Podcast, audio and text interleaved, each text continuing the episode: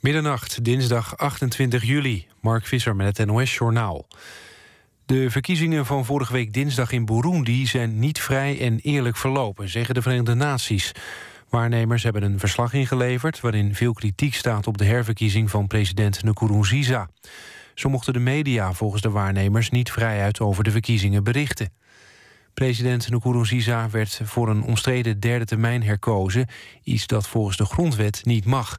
Dat leidde in de aanloop naar de verkiezingen al tot rellen... waarbij tientallen doden vielen. In het zuiden van Frankrijk hebben zo'n 10.000 vakantiegangers... hun camping moeten verlaten vanwege bosbranden. Op de campings in de buurt van Fréjus stonden ook Nederlanders. Hoeveel is niet bekend. Bij de alarmcentrales hebben zich tien landgenoten gemeld... en voor een paar zijn alternatieve verblijfplaatsen geregeld. In het gebied zijn zo'n 30 staakervens in de as gelegd. Meer dan 30 hectare is door brand verwoest. Het zuiden van Frankrijk wordt al een week geteisterd door de bosbranden. Op de voorpagina van New York Magazine staan 35 vrouwen afgebeeld... die zeggen dat ze zijn misbruikt door de Amerikaanse komiek Bill Cosby.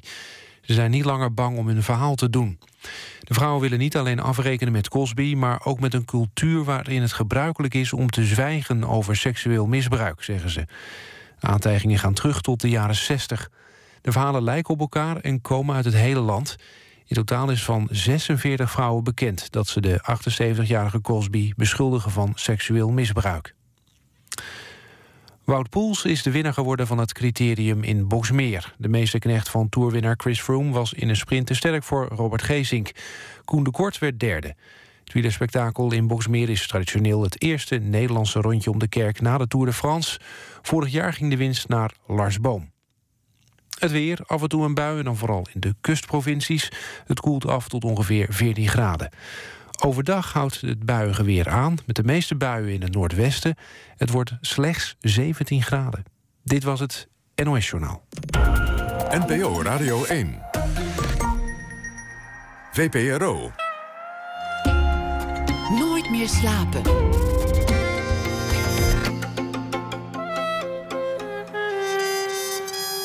Met Pieter van der Wielen. Goedenacht en welkom bij Nooit meer slapen. Het huisvrouwensyndroom. Ja, wat nou weer? Het huisvrouwensyndroom dus. Het blijkt te bestaan. Het komt voor in de radiodocumentaire Mama wil weg van Mirjam van Biemen. Na één uur eh, is die te horen. Rob van Essen schrijft deze week elke nacht een verhaal voor ons. Zo ook deze nacht over de voorbije dag. Maar we beginnen met Petra Lazeur. Actrice voor theater, film, televisie en radio, voornamelijk voor toneel. Ze wordt ook wel de grand dame van het Nederlands theater genoemd. inmiddels, nou, nou, nou. Geboren in 1939. Haar ouders werkten al voor het toneel. Moeder was Mary Dresselhuis en uh, vader Cees Lasseur. Zelf ging ze al jong naar de toneelschool. De lijst van voorstellingen en films die ze gemaakt heeft is te lang om op te noemen. Recent werkte maar Familie van Maria Goos. Te horen als koningin Wilhelmina in het hoorspel De Oorlogskoningin van Thomas Ros. Te zien in uh, Soldaat van Oranje. En in de film Bright Flight en Nooit te oud. Welkom. Uh, leuk dat wat doen we trouwens? Tutoyeren of uh? Nou, laten we dat maar doen. Ik ben er wel tegen hoor, maar eh, we doen het wel. Tutoyeren? Ja. Nou, dat is informeel, het is nacht. Het, ik eh, begrijp nooit wat de moeilijkheid is om te vouvoyeren. Ik begrijp het probleem niet. Ik vind het prima, we doen het gewoon. Maar ik denk altijd, wat maakt het nou eigenlijk uit of je u of je zegt? Maar goed, we doen het gewoon. Maakt ook eigenlijk geen donder uit. Nou goed, maar we doen het maar ja, we doen gewoon je. Ja, en ik heb verloren natuurlijk. Wat heb je verloren? Van jou. Wat verloren? De, de, de wedstrijd. Welke wedstrijd? Wij waren allebei voor iets genomineerd. Dat heb oh, jij voor, de, voor, die, voor die prijs. Vanwege dat hoorspel. Ja, dat heb jij gewonnen. Ja. Ja, hartelijk gefeliciteerd. Nou, dankjewel. Het, het voelt alweer eeuwen geleden, moet ik je bekennen. Ja, nee, ja maar het is natuurlijk in mijn geheugen gegrift natuurlijk, hè. Maar dat is natuurlijk Genomineerd en verloren, dus het ergste wat je hebben kan. Ja, zeg maar. Dat, nou, dat wilde ik eigenlijk net zeggen dat dat zo verschrikkelijk is. Dat je niet een prijs krijgt. Dat iemand zegt: hé, hey, je hebt een prijs, kom eens ophalen. Ja. staat in de weg. Maar dat, dat, je, dat je dan eerst genomineerd bent in een zaal moet gaan zitten. en dat iemand anders dan een andere naam roept. genomineerd zijn is een van de. Ja, als je het hoort dat je genomineerd bent, denk je: oh, leuk, geweldig. En vanaf dat moment is het eigenlijk niet leuk meer. Maar dan word je, ga je, word je alleen maar zenuwachtiger naar de prijsuitreiking toe. En dan zit je daar ik weet, natuurlijk hoe het is. Niet nu met de prijs hoor, met dit. Maar um, in de zalen zit je daar in de zaal. En dan, dan ben je het niet. Dat is helemaal niet erg. Maar je hebt verloren. Het is een wedstrijd zo... waar je ook geen invloed op hebt. Je nee, kunt niet, niet nee. doping nemen nee, of iets dat het dan beter gaat. Het griezeligste is dat op zo'n avond dan... dat zijn meestal feestavonden... en dat, dat iedereen dan een beetje om je heen loopt. Omdat mensen je zielig vinden. Je wordt een beetje gemeden. Je hebt een beetje de, de, de pest die avond. Nou ja, die, en je hebt de pest in, maar dat is weer wat anders. Maar je hebt ook iets van...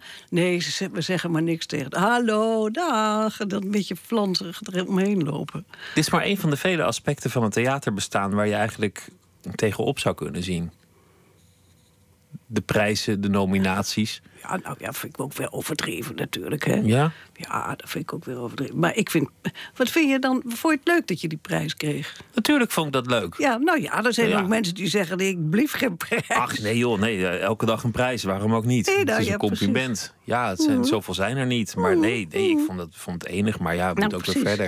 Ik heb gezegd één week naast je pumps lopen en daarna gewoon Heel goed, aan de slag. Ja. gaan we nu ook doen.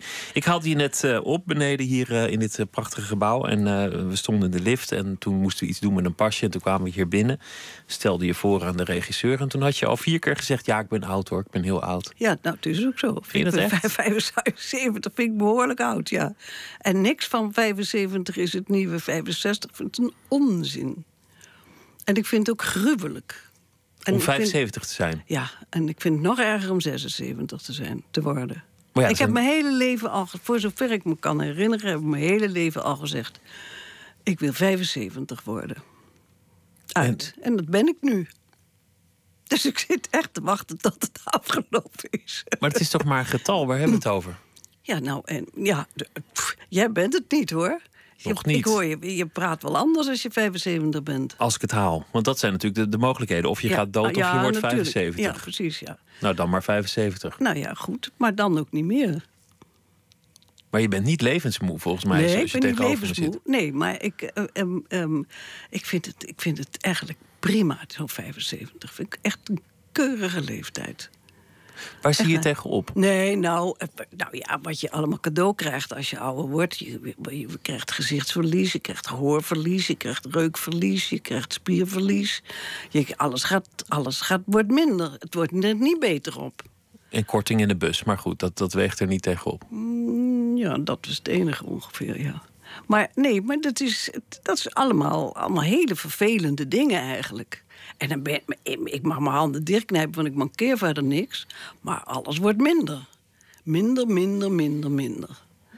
En het idee dat mijn zoons op een dag mijn billen moeten afvegen... Nou, daar moet ik dus echt werkelijk helemaal niet aan denken. En in het werk ben je al, al bezig met afscheid nemen? Denk je al van Nee, nou, nu neem ik geen bezig met meer aan? afscheid nemen. Maar je merkt, natuurlijk merk je dat ook in je, in je werk. Dat je, dat je gewoon veel minder te doen krijgt. En dat, dat begrijp ik. Dat vind ik ook heel normaal. En dan komt een hele nieuwe generatie aan. En nee, nou ja, dat is gewoon zo. En dan word je gevraagd voor oma, koningin, boze moeder. Dat zijn de, Ja, rollen voor een oudere dame. Ja, en veel demen- demente bejaarden. Ik heb, ik heb al drie demente bejaarden gespeeld. Daar ben ik reuze goed in geworden, langzamerhand. Ja, dat is echt, echt een van de fijnste producties. Ja, dat kan ik goed. Nou zeg je wel van, ik had altijd gedacht 75, daarnaast mooi. Ik vind het erg om oud te worden. Ik zie op tegen de kwalen. En, en Ja, ja, God ver, verhinder de dag dat mijn kinderen mijn billen moeten wassen. Maar ongelukkig ben je niet. Wie zegt dat? Dat zie ik aan je. Oh, dan is het goed. Klopt nou, dan ook? houden we het daarop. Of ben je wel ongelukkig? Nee, ik ben niet ongelukkig, maar ik, ik vind het niet de leukste tijd van mijn leven. Nee, laat ik het zo zeggen dan. Je bent beter in jong zijn. mildly, hè? Je was beter in jong zijn. Ja, ik was beter in jong zijn, ja. Maar, ik denk dat... Nou, goed, laat maar niet. Ehm, ik vind dat, ja, nee, ik vind best, ja, goed. Men leeft. Laten we het hebben over het jong zijn Nou, dan. precies, ja. Geboren in 1939 en eh, je moeder is een legende, dus daar moeten we het toch ook over hebben. Mary Het is Dresselhuis. niet anders. Een soort plaatsvervangend koningin van Nederland werd ze in der tijd wel eens eh gekscherend genoemd. Een grote dame van het, van het toneel Ja, en, was het. en, en eh, daar moet ik Joop van den Ende alle credits voor geven. Want die heeft haar echt eh, gemaakt tot wat ze was uiteindelijk. Ze heeft heel lang gespeeld natuurlijk, eh, van alles. En in, de, in, de, in het Centraal Theater in Amsterdam met mijn vader en, en weet ik veel wat. En bij de Nederlandse Comedie. En, geweldig. Maar op een gegeven ogenblik heeft Joop van der Ende haar... ja, wat zou ik zeggen, onder de arm genomen samen met Guus Hermes en Co van Dijk. En heeft, eh, Joop heeft geïnvesteerd in die drie personen. En uh, helaas zijn de, de twee mannen zijn doodgegaan, maar mijn moeder niet. En die heeft hij echt op een voetstuk geplaatst. Echt fantastisch. Dat kenden we nog niet hoor, in Nederland in die tijd. Absoluut niet. En die heeft dat geweldig gedaan. Die heeft haar echt. En ze mocht ook, ze mocht ook alles van Joop. Joop vond alles goed wat mijn moeder deed. En Professioneel bedoel je? Ja, ja, ja, ja. ja. ja. Was Zelfs toen ze een keer een stuk had gevonden wat ze een beetje te kort vond. En daar heeft ze, heeft ze toen zelf een akte aangeschreven. Een, een extra akte aangeschreven. Dat vond Joop ook goed. En zelfs zo ver gegaan dat ze de auteur hebben uitgenodigd op de première. Die in de zaal zat en dacht: hier is mijn Waar komt dit stuk vandaan? Heb ik nooit gehoord. Het stuk is afgelopen. Nee, er kwam nog een act aan. Nou ja, dat, en Joop vond alles goed wat mijn moeder deed. Dus dat was het is echt geweldig. Zij was natuurlijk een, een enorme ster, ook, mm. ook toen al. Maar, maar ook een, een gescheiden vrouw en, en lange tijd een alleenstaande moeder. Wat in die tijd naar ik aanneem, heel gevoelig lag. Nou, ze heeft echt rot gewerkt hoor. Na de oorlog. Toen mijn vader vertrokken was. In 1945, 46. En toen, ja, toen heeft ze echt enorm hard gewerkt. Om gewoon Kijk, alimentatie, dat deden we niet aan in die tijd natuurlijk. Dat bestond niet. En dus zij moest het gewoon rooien? Zij moest het gewoon rooien. En wij waren dus wij waren thuis, maar wij hadden een juffie.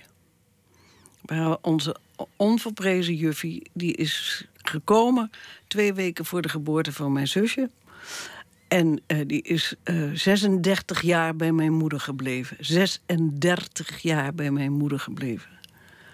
En die heeft jullie eigenlijk ook voor een deel grootgebracht? Dus? Ja, tuurlijk. Want mijn moeder was er echt nooit. Die speelde echt heel erg veel. Was ze een leuke moeder? Ja, best. Als ze er was, was ze best leuk, ja. In de vakanties was ook vaak leuk. Maar ze was, was, echt heel veel weg. Ja, ze speelde echt ontzettend veel. En ze ging ook in die tijd... waren er ook tournees naar de west en naar de oost. Dat was ook iets heel nieuws, was dat toen. Maar dan ging ze ook rustig twee maanden weg. En liet ze ons met Juffie alleen. Maar dat was helemaal niet erg. We vonden we ook heel gewoon eigenlijk, hoor. Je vindt alles al gauw heel gewoon eigenlijk. Als ja, het omdat, gebeurt. omdat je maar één jeugd hebt, dus je hebt weinig nou vergelijking. Nee, precies. Het was maar het was eigenlijk een, een leven van glamour. Voor die tijd zeker. Of niet? Nee, glamour is het pas geworden met Joop van den Ende. Daarvoor niet. Maar goed, reizen naar de oost, reizen naar de west. Ja, nee, ja maar dat was. Ja, ja maar dat was een, uh, een, een glamour. Uh, uh, hoe noem je dat? ik kan niet op het woord komen. Maar dat was. Nee, er was geen glamour toen in die tijd. De glamour dat was Hollywood. Maar de glamour, dat bestond niet aan het Nederlands toneel toen, hoor. Echt niet. Helemaal dat niet. Is pas, dat is pas veel later gekomen. Je vader, die in 1945 wegging, die, die zat ook in de, de theaterwereld. Kan je wel zeggen, ja. Die was regisseur onder meer. En directeur van de Haagse Comedie. Maar die heb je eigenlijk niet zo heel lang meegemaakt. Nee. Die heb ik maar vijf jaar meegemaakt. Had je een band met hem? Nee. Helemaal niet? Nou, nauwelijks.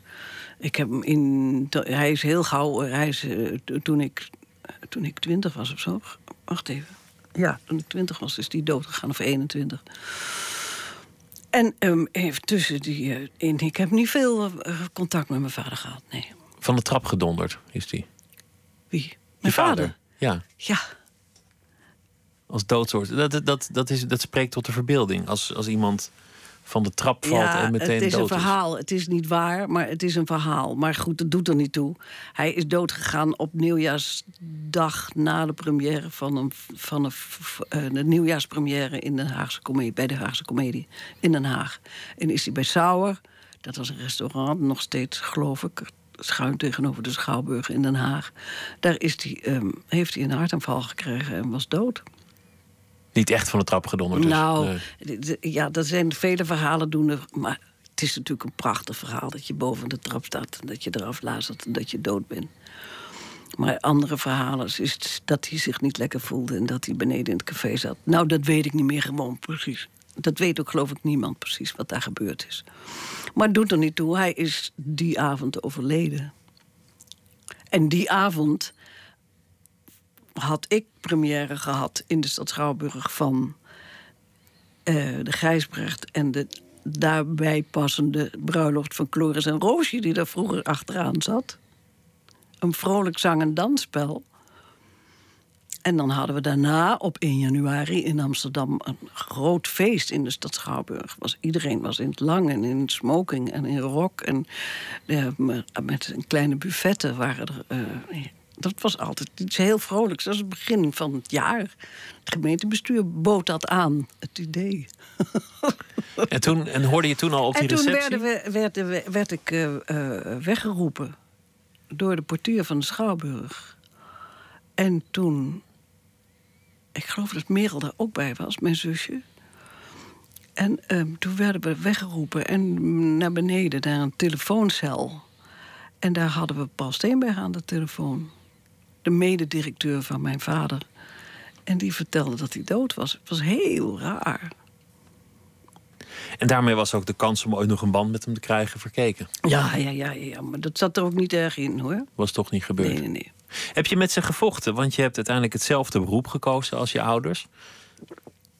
De, dezelfde weg ingeslagen, het toneel. Heb je, heb je gevochten tegen de, de legende de, die je moeder was en, en de strenge man die je vader was? En... Nou, de strenge man die je vader was, nee, dat, dat niet.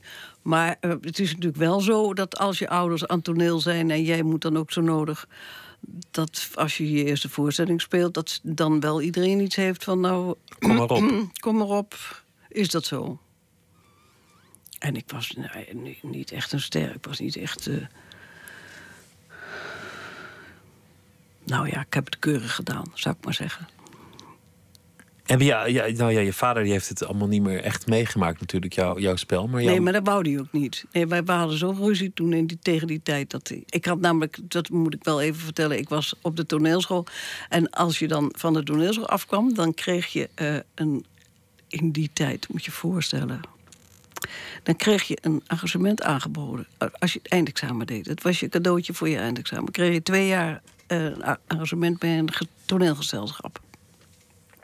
Dat was fantastisch. Waar je ook terecht kwam. Maar twee jaar bij een gezelschap zitten. En twee jaar meedoen met dat gezelschap. En meelopen en alles doen wat je opgedragen wordt. En of het nou groot of klein of wat dan ook was. Maar in zo'n uh, in zo'n gezelschap meelopen, dan leer je.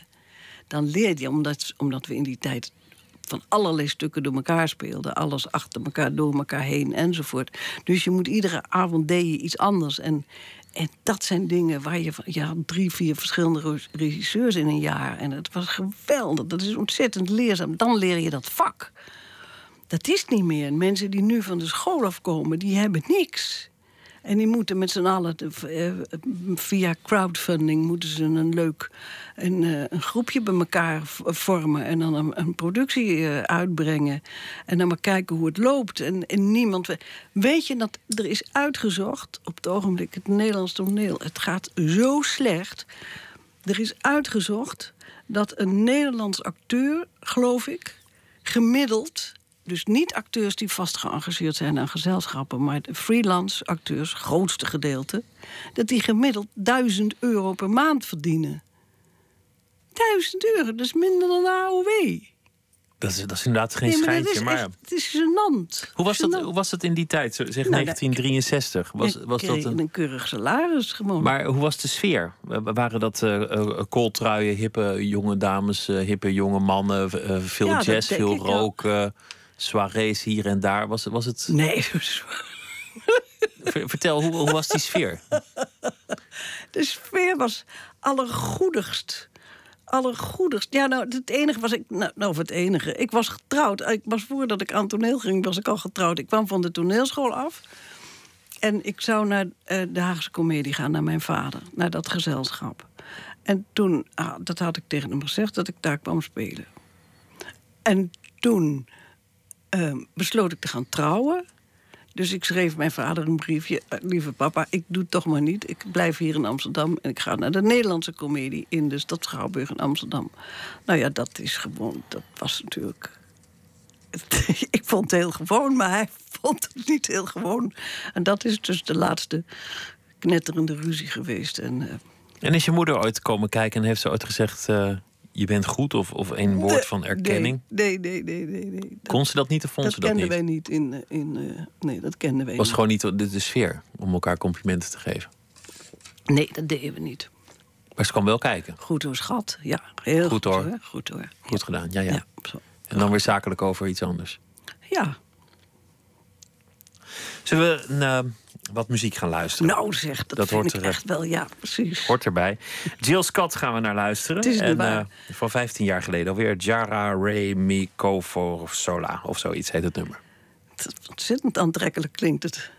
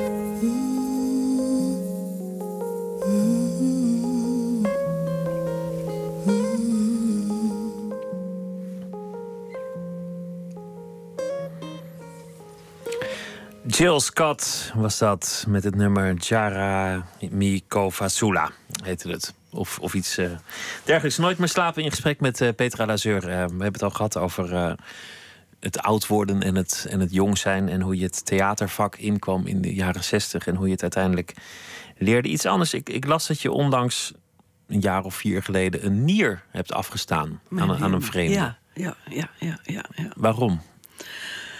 Nou, het leek me een goed idee. En het is ook gebleken dat het een goed idee was. Waaruit is dat gebleken? Nou, nou omdat ik eh, weet inmiddels, na al die tijd, min of meer wie die neergekregen heeft. En die persoon gaat het tegen goed. Dus daarom is het gebleken dat het een goed idee was. Je hebt iemand geholpen. Daar ging het je om uiteindelijk. Ja. Ja. Ja, nou ja, ik, het was het programma van BNN, dat beroemde programma van de Niers, de Nier, weet ik veel, donor, de grote donorshow. Ze hadden, ze hadden een soort grap uitgehaald. Ja. Namelijk, er komt een, een spelletje waarbij mensen kunnen selecteren wie de, de enige nier krijgt. De Tweede Kamer was opgewonden als altijd, stelde vragen. Het hele land stond op achterste benen en bleek natuurlijk doorgestoken kaart. En het Ja. was om aandacht te vragen voor die Nou, het problematiek was ook geweldig. van de nierpatiënten. Absoluut. Heb je dat gezien? Ja, ik vond het fantastisch. Geweldig. Echt geweldig. Televisiegeschiedenis. Nou ja, da- daardoor ben ik. Daardoor ben ik. eh, ja, zoiets raakt je. Dat kan je niet zeggen waarom. Dat, dat, dat, dat raakte mij. En ik dacht: God, God, God. Die mensen met die nieren, punt. Nou, niks. Het is- was weer uit mijn gedachten gegaan. En dan op een of andere manier, als je dan ergens zo- zo'n voelspriet hebt, dan lees je er eens een over. Dan lees je er eens iets over. En dan zie je er weer eens iets over. En dat bleef altijd maar zo'n beetje in mijn, in mijn hoofd zweven. En ik dacht, oh, en toen dacht ik op een dag, nou, als ik nou eens een keer geen werk heb of zo, dan ga ik me daar misschien eens voor inzetten of zo. Of kijken of ik dat kan, of ik weet niet wat. Nou, en dat gebeurde toen. En toen ben ik, heb ik de telefoon gepakt en toen ben ik, heb me opgegeven. Want je kunt een nier missen in principe. Ja. Dat kan. We hebben er twee. En daar, met één red je het ook wel. Wie is de gelukkige? Want dat is anoniem. Je geeft hem niet Nee, je geeft, aan het is persoon. anoniem. Het is anoniem. En eh, dat is ook goed, denk ik. En ehm, eh, ja, het is een te lang verhaal om dat uit te gaan leggen. Maar in ieder geval, door een of andere manier, to- heel toevallig, is die persoon erachter gekomen dat ik dat was. En we hebben elkaar één keer ontmoet en daarna nooit meer. En eh, ik weet dat het ontzettend goed gaat. En dit- dank God dat het zo gelopen is. Het kan ook fout gaan. Dat is ook dat vreselijk. het niet aanslaat of Nou, dat het gewoon niet werkt of niet, niet beter Of wordt. dat het niet... het- maar het was Maar je, maar je weet wie het is, want normaal gesproken weet je dat niet. Nee, nou, normaal gesproken. Men zegt altijd dat je het niet weet. En dan soms dan gaat het toch wel. En soms ook helemaal niet. Het hangt ook vanaf wat je zelf wil. Als je dat helemaal niet wil. Je kan, je kan wel in contact blijven met elkaar. Maar dan gaat via het ziekenhuis. Dus je schrijft een, ik schrijf een brief, zou ik maar zeggen. En die gaat open naar het ziekenhuis. En het ziekenhuis stuurt die brief dan naar die persoon. Dus ik weet dan niet waar die brief heen gaat. En die persoon stuurt een brief terug en die stuurt dan weer naar mij. Nou, zo via het ziekenhuis. Zo Als, gaat het. Als misantroop zou ik dan bang zijn als iemand me uitscheldt op straat in Amsterdam. Zo'n fietser met zo'n middelvingertje. Van als dat maar niet degene is die, die mijn nier heeft. Ja, Dat zou zou natuurlijk ook kunnen. Was, het- was het een. een ehm, het was een daad van barmhartigheid, maar daar spreekt ook een soort levensfilosofie uit. Maar als ik het woord barmhartigheid uitspreek, dan sidder je alweer. ja, het is ook zo'n woord. Het is nobel. Dat vind ik ook zo erg. Oeh. Toch is het dat. Dat is exact wat het is. Ja, vreselijk, ja. Ja, nou, dat is het. eh, Ja, dat, ja, nou ja, wat je wil, wil je. Ik heb het gedaan en daarmee uit. En dat is prima. En je voelt je goed. En en je hebt, je hebt iets gedaan voor een ander. En, en nou ja, vooruit. Nou, het is een, het is een, het is een, nou, je kan wel zeggen, het is een goede daad geweest. Het is, het is goed dat het gebeurd is. Je hebt er iemand ontzettend mee geholpen. En meerdere mensen zouden het moeten doen. Maar het is alleen zo raar. Ik kan natuurlijk niet tegen zeggen, dames en heren, dat moet je doen. Dat is fantastisch. Want het is natuurlijk... Ja, je moet het wel even zelf beslissen natuurlijk. En als je bang bent voor eh, operaties, moet niet doen, gewoon. En, Nou ja, ik, ik, vind het, ik vind het nogal wat. Want kijk, een, een tientje voor de Hartstichting, dat, dat kan je leien. Of, eh, of, of oud glas ophalen voor, voor de eekhoorntjes. Of, of allerlei dingen. Maar ja, zilverpapier. echt een operatie ondergaan en een, en een orgaan missen. Ja. Dat vind ik een grote ingreep. En dat voor een anoniem persoon. Ja. Dat zegt toch wel iets dat je dat doet. Maar het is wat? gebeurd en het is ontzettend goed gegaan. En het is ontzettend goed terechtgekomen. Dus ik ben ongelooflijk blij dat, het, dat, het, ja, dat, het, dat ik het gedaan heb. Ja. En verdere metafysische beschouwingen daaromtrent, daar, daarvan denk Nee, je... nee, ach, nee, nee, nee. Ik word nu eh, ambassadeur van een Nierstichting. En dus ik zal me daar enorm eh, voor inzetten. Voor wat dat, eh, als dat mogelijk is. En, ehm, want het is natuurlijk fantastisch dat het kan überhaupt. Dat het überhaupt kan, dat het bestaat. Het idee 50 jaar geleden was natuurlijk... Het, was je, als je het erover zou hebben, zouden mensen zeggen... je bent hartstikke gek. Dat je dan een nier van de ene in de ander Ja, zet. nee, dat is toch een wonder dat het kan. Het is echt... ja, iemand is doodziek en dan krijgt via een warm badje... wat van de ene kamer naar de andere wordt gedragen met een nier erin. En die neer wordt erbij ingezet. En die persoon, die, weet ik veel, drie, vier uur later... werkt dat lichaam weer. Hebben mensen geprobeerd je te weerhouden? Kinderen, naasten, vrienden? Jawel, er waren natuurlijk wel mensen die zeiden... jij bent hartstikke gek. En er waren ook mensen die zeiden... "Oh, eng, dat niet doen." Zo. Nou, Dat heb je altijd, ja. Je liet je niet weerhouden. Nee, helemaal niet. Nee, helemaal niet. Nee, helemaal niet. En ook niet ehm, eh, van, van... ja, maar je kan en eh, je- stel je voor dat. Nee, ik, ik had echt besloten dat te doen. En nou, het is ook precies gegaan zoals ik gehoopt had dat het zou gaan. Helemaal goed. Je leeft al heel lang alleen. Ja. Al, al jaren. Je, je laatste echtgenoot is, is overleden in, in 1995. Sindsdien leef je als, als een vrouw alleen. Is, is dat een last? Nou, het begin was niet leuk, nee. Uiteraard, er is iemand dood. Je, je hebt Was- rouw. Er was, geen, er was geen prettige tijd, to put it mildly. Nee, dat was niet leuk, nee. Ehm, ja, verder ben ik eh, ehm, min of meer alleen, ja. En d- dat bevalt me prima. Ik ben heel... Ik ben, dat kan ik gewoon goed. Ik snak niet naar... eh, weet ik veel. eh, Ik zou voor geen, voor geen goud een nieuw huishouden opstarten. Oh, ik moet er helemaal niet aan denken. Maar, ehm, ehm, nou ja, min of meer alleen, zou ik maar zeggen. Ben je altijd goed geweest in alleen zijn? Ja. Mijn, mijn, mijn echtgenoot schreef, was dichter. En die had, een, eh, die had dan hier en daar een, ja, een, een schrijfplek in het land. Een huisje of een, een flat aan het strand of weet ik veel wat. En die ging daar dan soms een week heen en zo. En eh, nou, was prima. Dat kon, en dan was ik dus alleen. Maar dan speelde ik en dan kwam ik s'avonds thuis. En dan was ik, was ik alleen thuis. Ja, nou, dat ben ik nou ook. En dat, is, eh, dat, dat gaat me goed af. En het idee dat... eh, nee, laat maar zitten. Nou, voor veel mensen is dat een worsteling dat je dan hebt gespeeld en dan, dan een, een, een bos bloemen krijgt van de schouwburgdirecteur en dan Ja, in de taxi naar huis zit. ja. En En, dan vragen altijd, wat heb je geleerd van je moeder? Flink zijn.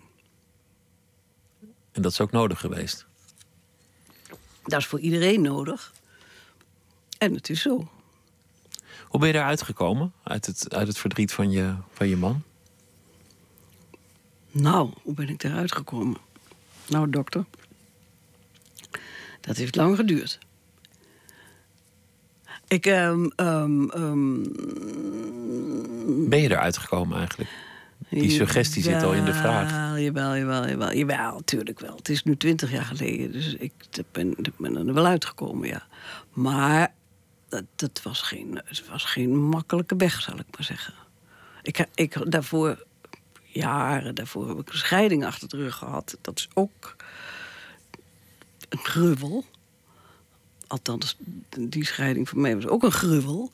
Maar dat gaat over op een gegeven ogenblik. Maar die dood. En daarbij was dat de liefde van mijn leven. Dus dat is natuurlijk en iemand die de ene dag nog vrolijk naast je zit... en twee maanden later dood is. Dat is rommelig hoor. Dat uh, to put it, eh.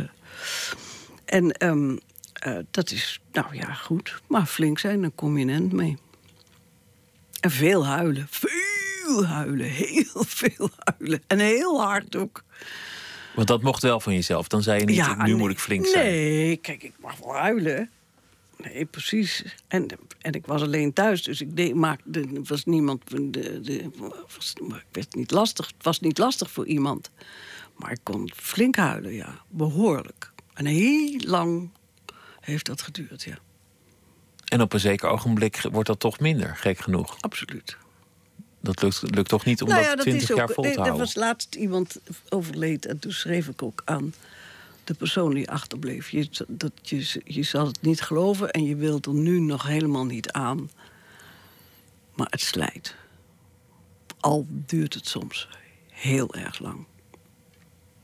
En dat is zo. Is dat het verdriet van je leven geweest? Ja, dat is het verdriet van mijn leven geweest. Ja. De liefde van je leven en het verdriet Ja, van je leven? Ja, ja. Tot, In tenminste, tot nu toe, hè? Graag. Ja, je weet niet wat er nog op je pad komt. Maar Nee, laten we precies. hopen dat het... Nou ja, ik heb alle. Ik, eh, ik dacht laatst, ik heb geloof ik op één na alle emoties meegemaakt in mijn leven die een mens kan meemaken. Van eh, hoog naar laag, van, van vrolijk, van verdriet, van teleurstelling, van blijheid, van succes. Van, eh, eentje niet, en die hoop ik ook absoluut niet mee te maken. Maar voor de rest heb ik, heb. Nou ja, dat zeg ik natuurlijk niet. Ik ga Nou ja, dan niet- moet ik gaan gissen. Nee, ja, nee, je hoeft niet te gissen. want Daar geef ik geen antwoord op. Dat, dat moet je gewoon ook laten. Maar, Vooruit. en dat heb ik. ehm, en dat vind ik nogal. Dat vind ik nogal iets dat je dat mee mogen maken in je leven. Alles. Al dat soort emoties. Dat, daar ben ik wel het leven dankbaar voor. Want je hebt het ervaren in alle hoeken, in alle narheid, in alle, alle schoonheid. Ja. Ik, ik, alles. Je hebt geleefd. Ah, Ja, ik heb absoluut geleefd, ja. En dat is. eh, En daarom denk ik ook, nou, 75, top. Had je die nier ook afgestaan als, als je man er nog was geweest? Nou, dat denk ik niet. Want ik denk dat hij dat misschien. Dat weet ik eigenlijk niet, want ik weet het niet. Maar da- dat is natuurlijk het punt dat mensen tegen je zeggen: zeg, ben jij belazerd? Dat doe je niet. En als hij dat had gezegd, had ik het ook niet gedaan. Maar er was niemand. Ja, mijn kinderen hebben wel gesputterd natuurlijk. Maar die heb ik het ook eigenlijk pas heel laat verteld. Want dat zit er misschien ook achter. Lo- Los van dat het een mooie daad is. Een nobele, barmhartige daad, sorry. ja. Is het natuurlijk ook. Er zit ook een gedachte achter van. Ach, wat, wat kan het me eigenlijk? Wat kan mij nou gebeuren? Ja, nee, daar heb ik, zo heb ik er nooit over gedacht. Nou ja, wat kan mij nou gebeuren? Ik dacht, nee, ik dacht ook inderdaad, wat kan me gebeuren? Niks. Die nier eruit, dat kan me gebeuren. Verder niks. Dan gaan we weer vrolijk verder. Nee, omdat dat misschien Nee, mensen ook de angst nu, zouden je- kunnen bedoel- hebben van ja, dan heb ik één nier en wat als die het begeeft. Maar in jouw geval, jij denkt volgens mij ook een beetje, nou ja, en dan begeeft hij het. Pech. Nee, helemaal Nee? niet. Nee, natuurlijk niet. Nee, ik heb, ben er altijd heilig van overtuigd geweest dat mijn nier... zeg, ik mag wel eens gaan afkloppen langzamerhand, want het wordt gevaarlijk. dat mijn nier gewoon mijn nier is en die, en die is het nog. En die doet het prima en er niks... Nooit ergens anders over nagedacht. Gewoon, ik dacht, dat gaat goed. En het is ook goed gegaan. Er zit niet de gedachte achter, ik heb niks te verliezen. Of, of ach, het, bestaan heeft mij al zoveel ontnomen. Nee, dat is het het, was niet. vier jaar geleden, vijf jaar geleden of zoiets. Vier jaar Nou ja, omdat je net ook zei, ach, 75, ik vind het wel mooi. Nee, nee, nee, nee, nee, nee, nee. Ja, dus het, oh, het idee. Oh, nou begrijp ik het. Je had gedacht dat ik zou denken... Met deze nobele daad. En dan kom, kom ik ook nog te overlijden. Nee, nee, nee, nee, nee, nee, nee. Ik heb het allemaal heel vrolijk ingezien. Wat, wat wil je eigenlijk in het leven? Heb je nog dingen, bijvoorbeeld in je werk, een droomrol die je nog zou willen spelen? Is, is dat er nog? Mm, nee, dat, dat mag ik ook eigenlijk niet. Dat, nee. Ja, ik heb een, ik, er is een stuk wat ik graag zou willen spelen. Maar ehm, ik zou niet weten waar. Bij wie? Bij welk gezelschap? Nee, nou, gezelschap al helemaal niet, want dat wil niemand. Die hebben hun eigen repertoire en dingen. Het enige waar het geschikt voor zou zijn is. Oh, dan had je het net over. Oh nee. Um, in de, voor het Lamar Theater. Daar zou het reuze geschikt voor zijn. Ontzettend echt. Het is een, wat je noemt een well-made play. Welke is het? Kun je het zeggen? Nee. En, um, Waarom niet eigenlijk? Nou, omdat andere mensen er dan mee gaan, okay, gaan leuren. Er komt concurrentie. Hè? Er komt concurrentie. Nou ja, weet je veel, weet ik niet. Maar in ieder geval, dat vind ik een ontzettend... Eh, dat zou ik vreselijk graag willen spelen. Maar de Lamar wil het niet hebben. En dan houdt het op. Want dan kan je wel zeggen van dan ga je naar een producent. Maar ik heb een andere uh, makker. Ik wil niet meer reizen. Ik wil niet meer op reizen. Ik wil niet meer in die bus. Ik heb 55 jaar in die bus gezeten. Ik kan het niet meer zien, die bus. En dat zeg ik nu. En volgend jaar ga ik dus een productie doen waar ik twee maanden in een bus ga zitten. Omdat ik dat ga doen met twee mensen die mij intens dierbaar zijn. En daar wil ik graag mee werken. De een, dat is Bodil La Parra, die gaat het schrijven. En Geert Lagerveen eh, gaat het regisseren. Maar dat is toch juist prachtig dat je zo geniet van het spel en de mensen met wie je speelt, dat je zelfs die gore bus ervoor over hebt. Ja, nou ja, en ik weet nog helemaal niet wat het wordt. Ja, ik weet wat het wordt. Het is een, het is een, een, eh, een dameskoor wat voor een reunie bij elkaar komt. Daar gaat het stuk over. En dat vind ik leuk. Dat is een korte productie. Dat is, dat is, dat is twee maanden en dan is het afgelopen. Dat vind ik leuk. Dat, vind ik, dat, dat doe ik gewoon en dat, nou, daar verheug ik me ook reuze op. Omdat ik de hele tijd niet gespeeld heb en omdat ik nou, dat denk ik zo en dan denk ik, hè? Maar het komt dus ook een beetje door mezelf. Omdat ik ook zo nu en dan zeg, nou nee, dat wil ik niet. Want dan moet ik weer die bus in. En dan ga ik het toch doen. Dus zo zitten mensen in elkaar. Maar als je dat, dat plezier hebt in dat spel en je bent er goed in, het is, het is altijd je vak geweest dan moet je dat toch gewoon tot de laatste snik doen. Ja, maar niet als je daarvoor uh, uh, de, zeven, reizen. zeven maanden, acht maanden van Nee, dat kan ik me voorstellen. Dat gaat misschien te ver. Niet meer op, op, op mijn leeftijd, zal ik maar zeggen. Ja, ik hoor het je zeggen. Zullen we weer wat rock'n'roll luisteren? Nou, dat lijkt me wel echt De Vaccines, een ouderwetse Britse band. En uh, hun invloed zijn de 50s en 60s. Een ouderwetse band lijkt is wel geschikt voor mij, vind ik. Hè? Maar nou, het is echt ook wel heel erg van nu. English Graffiti is het uh, nummer.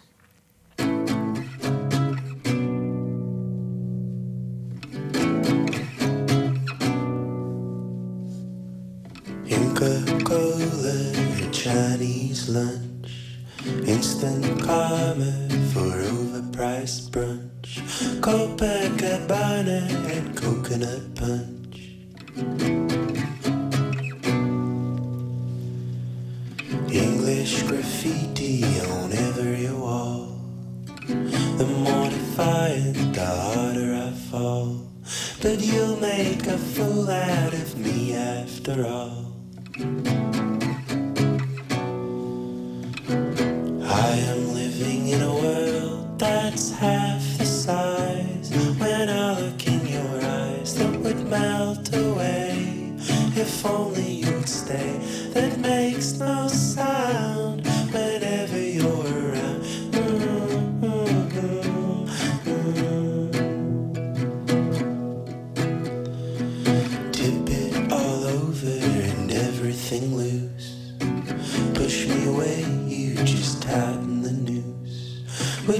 hang me up on some hollow excuse?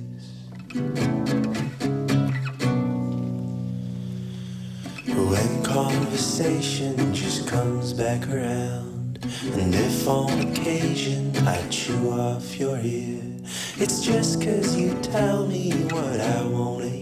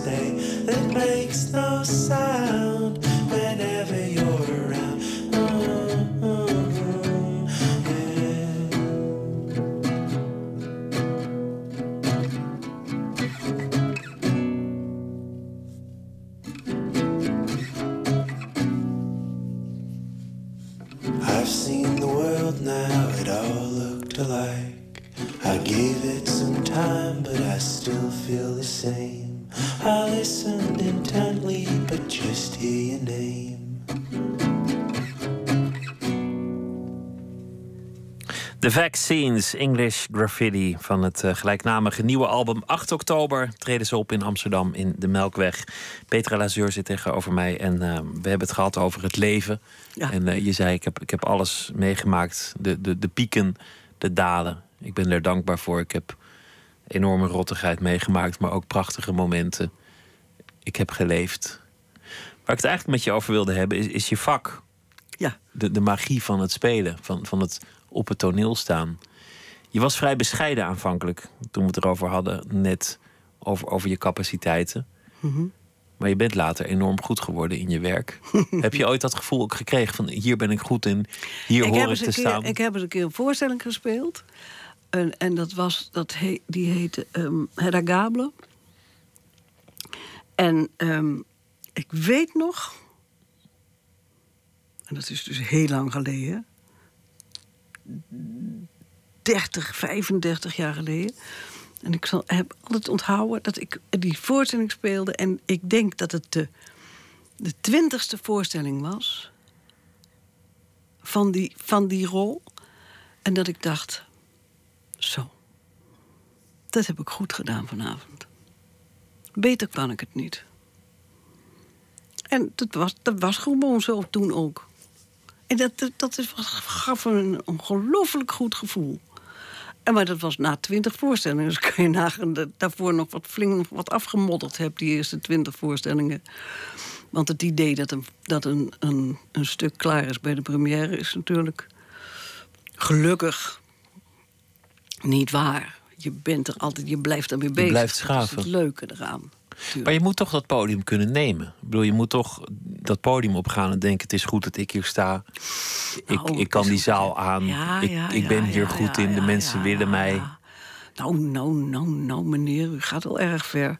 Maar, ehm, Anders werkt het toch niet? Als, je, als je het nee, podium goed, opkomt maar, van ja, eh, ik ben nou er ja, wel, maar maar ik ben er niet. kijk, er zijn Let niet op mij. Dus er zijn natuurlijk rollen die dat niet zo met zich meebrengen. Maar er zijn ook rollen die dat wel hebben, natuurlijk. Dat, er is niets heerlijkers dan een, dan, een, dan een voorstelling te spelen, van een, een rol te spelen. Die, die, die een, een verhaal heeft. Een verhaal heeft. Het begint bij A en het eindigt bij Z. En dat speel je, die, dat hele stuk speel je. En dat is een boog. Dat is een boog van A tot Z speel je dan. En dan, dat, dat, is geweldig om te doen. Dan ga je daar met je hele lichaam en ziel en lijf en ziel en zaligheid ga je erin. En dat is, dat is fantastisch. Maar ja, dat zijn maar, dat zijn maar drie, vier keer dat je dat meemaakt in je leven. Maar dat is geweldig. Geweldig. Ik heb eens een keer een stuk gespeeld, dat heette Groot en Klein. En dat was een waanzinnig moeilijk stuk. En dat was twaalf scènes van een vrouw die langzamerhand helemaal hartstikke gek werd. En dat was een bloedje moeilijk. Echt heel moeilijk. En dan weet ik nog wel dat ik zei... ik wil alleen in een kleedkamer zitten... want ik moet niks aan mijn kop hebben. En het begon met een, met een monoloog. En dus, eh, eh, zat ik in een soort baljurk... in een gruwelijke... Nou ja, het doet er allemaal niks toe. Maar in ieder geval, ik, ik, wou, ik wou dat... er moest niemand aan mijn kop zeiken voor aanvang. Dat was ook iets... Ik zat ook in een klein kamertje... En daar zat ik alleen. En dan, en dan ging ik op en dan ging ik die hele avond... denderde ik door die avond heen. Maar, maar met maar één ding aan je, aan je hoofd... namelijk dat je die voorstelling moet spelen. En dat is dan, dat is dan zo heerlijk om te doen. En het publiek, is dat, is dat iemand die je wil verleiden? Of, of is het ook een hongerige menigte die jou rauw lust? Hoe kijk je daar tegenaan? Ben je bang voor het publiek? Nee, Voor je opgaat? Op een, première ben je bang voor een publiek, ja. ja. Dat is... Ja, premières, dat, dat, dat blijft een drama. Eh, Voor mij in ieder geval wel. Mijn moeder zei altijd ook, vind het heerlijk om première te spelen. Nee, ik vind, ik vind premières vreselijk. Vreselijk. Je, iedereen is zenuwachtig. Het is altijd, er gaat altijd wel iets fout. Je doet- weet ook eigenlijk niet of het gaat werken. Nee, natuurlijk niet. Tegenwoordig doen ze eindeloze try-outs. maar Ja, dat- zeker. Dat, is ook wel goed hoor. Dat is ook wel goed. Vroeger deden we toch bespottelijk. Dan hadden we een generale repetitie en dan nog een, een, een repetitie in kostuum. En de volgende avond had je première. Hier in Stimpy. Maar we deden het allemaal hoor. En er zaten gewoon. alle recensenten zaten klaar. Maar net zo makkelijk. Met geslepen potloden. Ja, en die schreven schitterende recensies. Twee, drie kolommen soms. Ja, en niet zoals nu, zo'n klein kriebelkrabbeltje... wat we nog krijgen in een krant.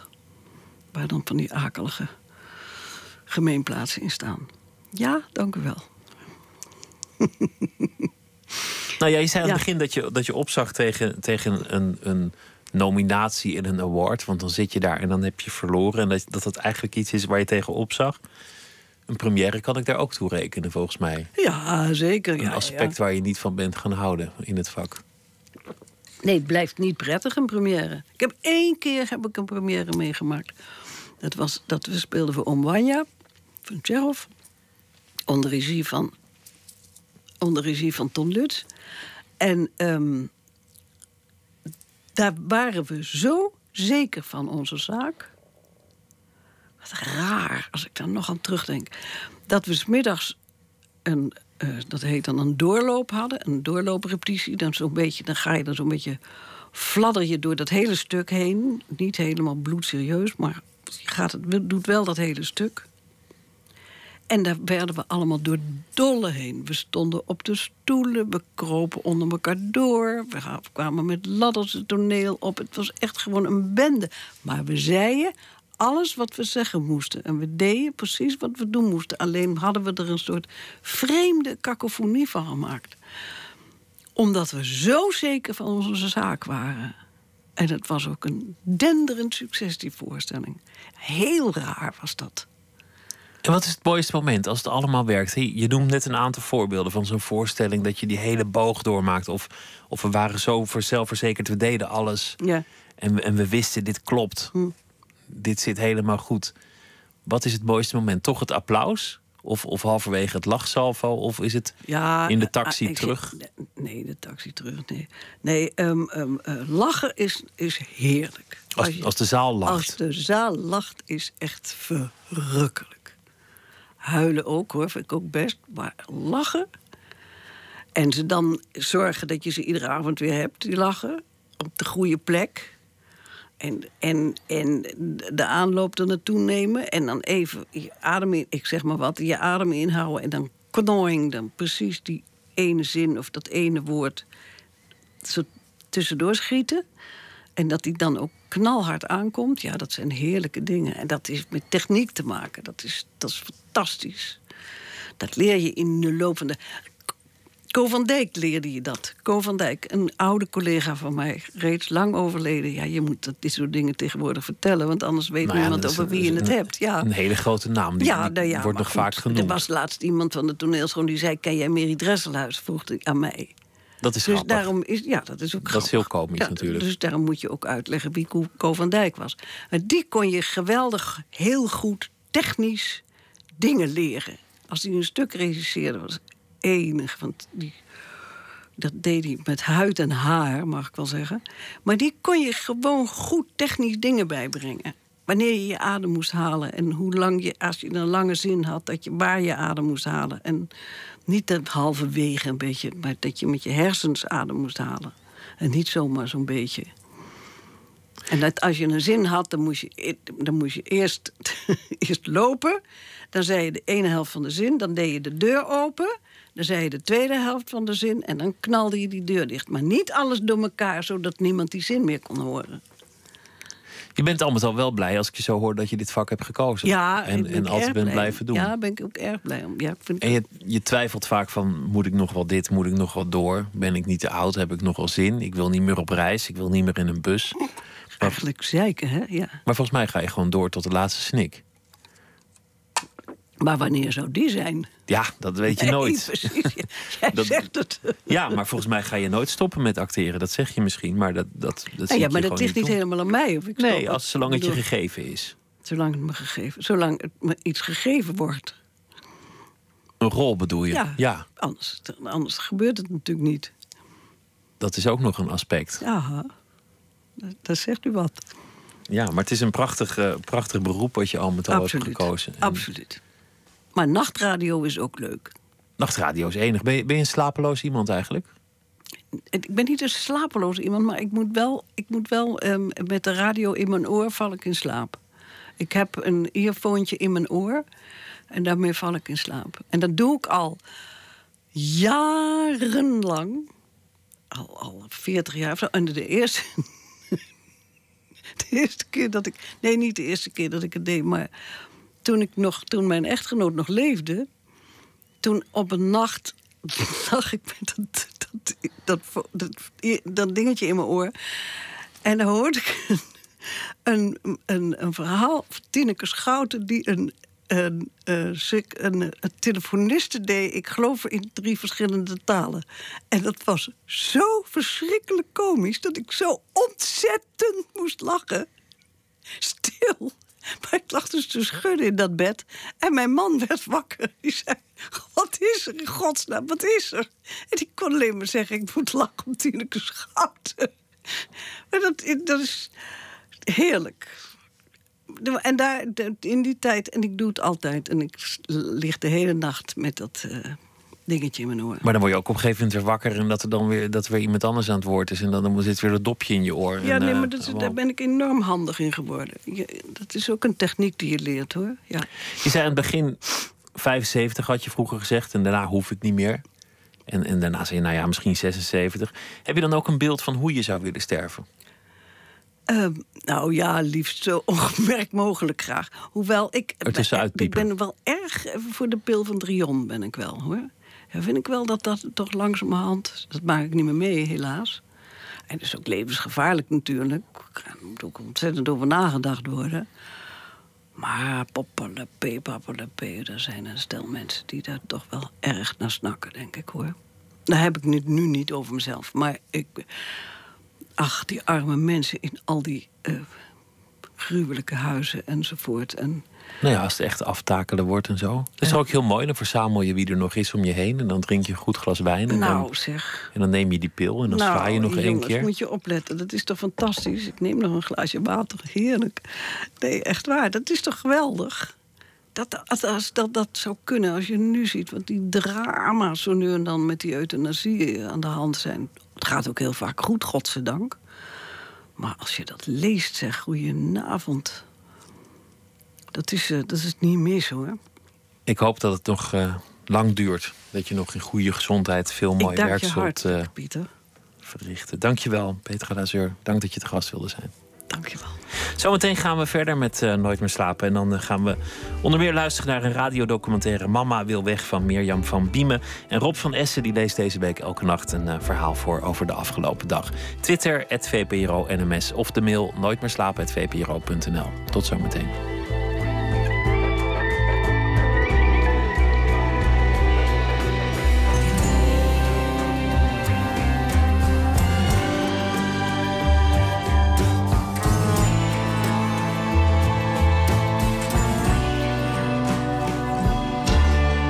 Radio 1, het nieuws van alle kanten.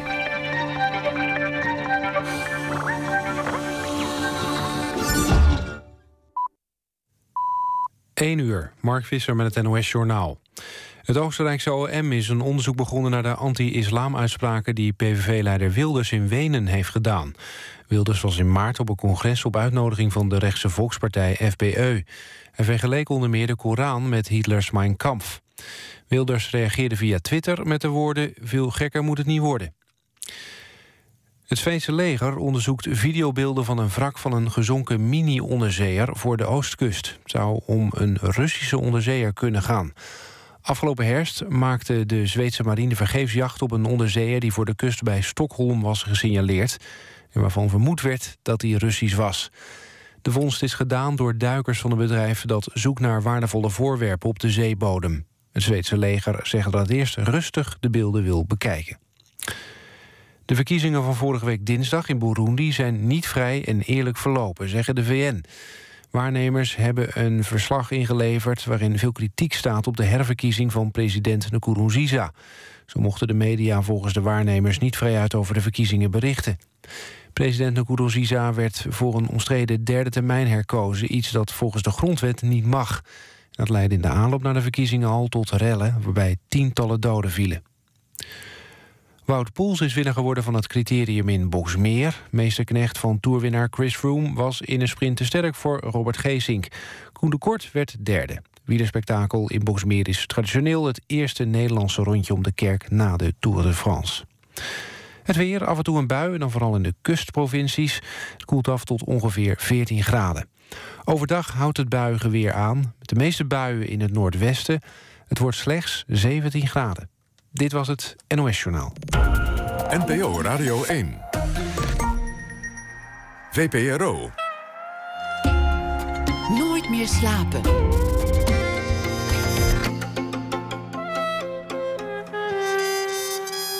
Met Pieter van der Wielen.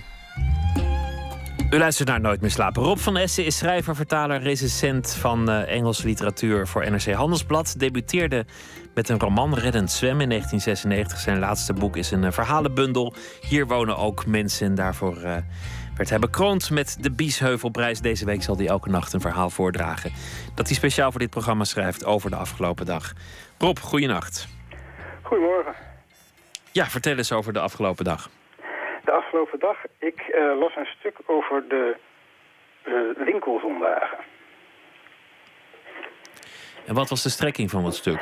Dat stuk dat stond op de opiniepagina van de NRC. En het heette Een publieke rustdag is goed voor iedereen. En dat ging er dus vanuit dat we die zondag rust hard nodig hebben.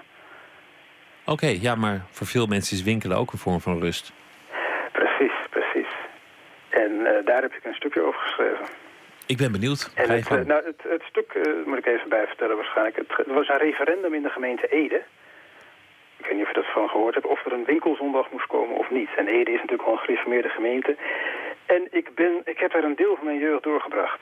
Dus, um, en ik ken die zondagmiddagen daar. Dus vandaar dat ik meteen geïnspireerd was tot een verhaal. En dat heet Nooit meer zondagmiddag. Nooit meer zondagmiddag. Ga je gang. Op zondagmiddagen in Ede stond de tijd zo stil dat je bang was dat de wereld de avond niet zou halen. Lang voordat het donker was, zou de aarde en alles wat ze aan leven met zich meedroeg... van ouderdom verkruimelen en op een kleine kosmische windvlaag verwaaien... tot alle sporen waren uitgewist. Alleen de kerken waren open. De rest zat dicht. De huizen, de winkels, zelfs de lucht. Je kon eindeloze wandelingen met de hond maken zonder iemand tegen te komen... Het centrum zag eruit alsof er zojuist een aanval met een neutronenbom had plaatsgevonden. Alle gebouwen intact, de bewoners dood. Toen ik in Amsterdam ging wonen, bleek tot mijn opluchting dat er op zondag gewoon een aantal winkels open waren. Je kon op zondag de deur uit en een boek kopen. Het was een weldadige luxe.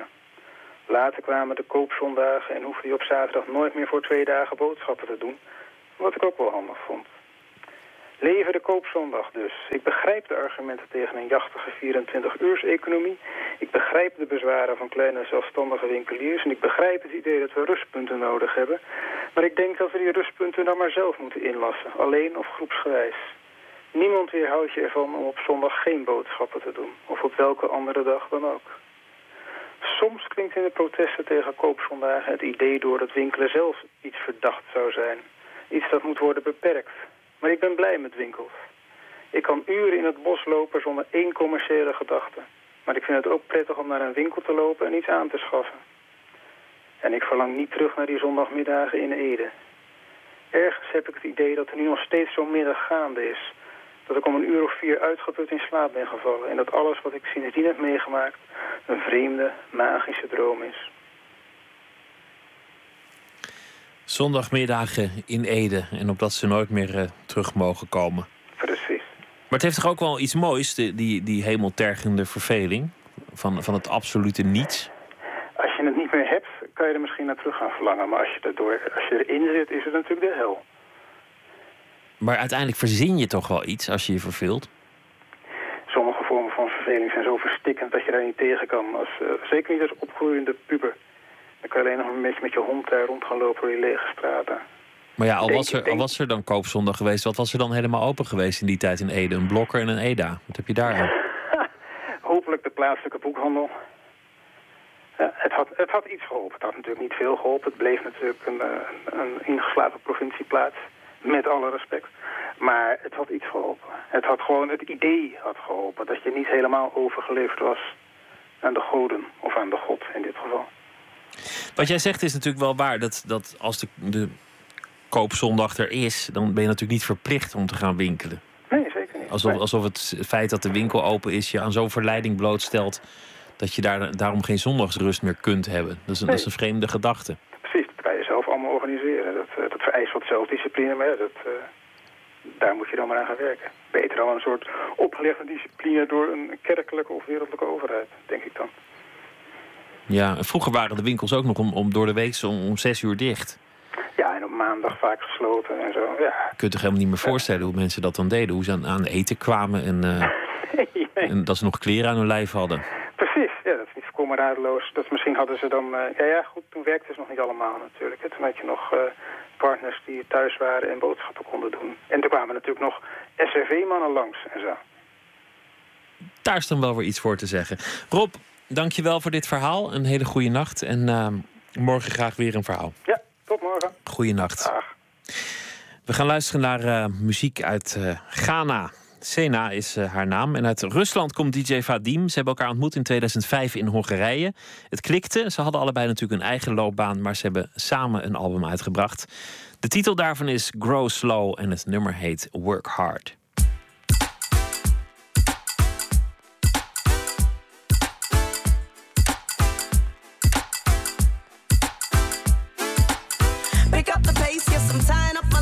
Ready to take on the world, like getting ready for races, marathons. The journey's long, but I don't have to worry. Muscles are strong and my willpower is heavy. Places, places, positions, please. Watch these runners breeze through with ease. Serving up the competition on a silver platter. Gracefully, we passing through, arrest all your chatter. Boom, boom, bang, bang, and the ring set off. Zoom, zoom, I stand where the bass kick off. Now I'm speeding down the track, there's not a single thing I like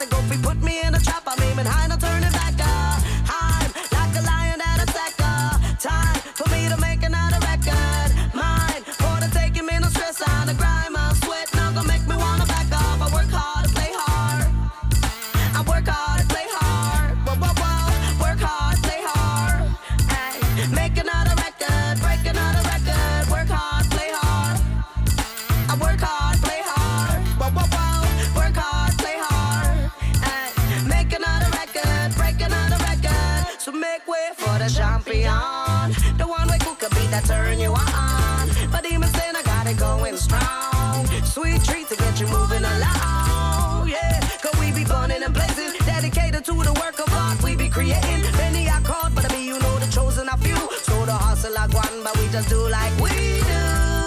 And kill it tune by tune, beat by beat. We be repping every day. When we're stepping out of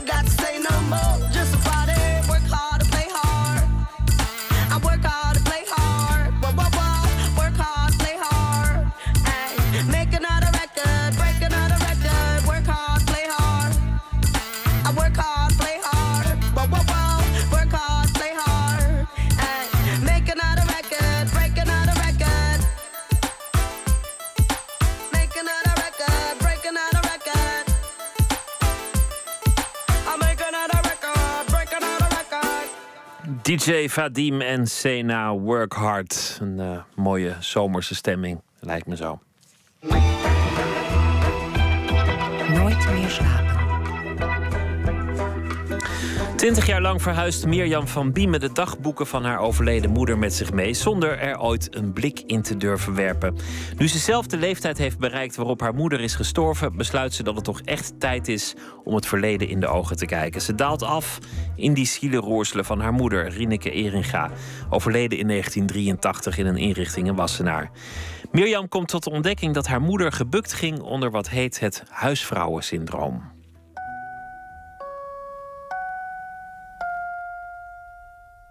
Vrijdag 20 augustus 1983.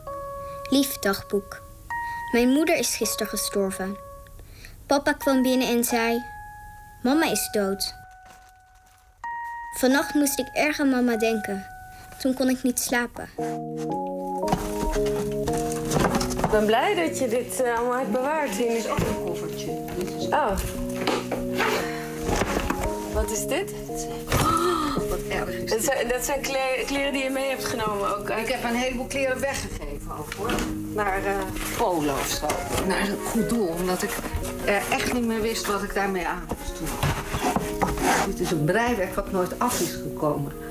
Dat vond ik zo confronterend, net zoals een haarfeun waar de haar nog in zat. Dat heb ik weggedaan. Dat vond ik vreselijk.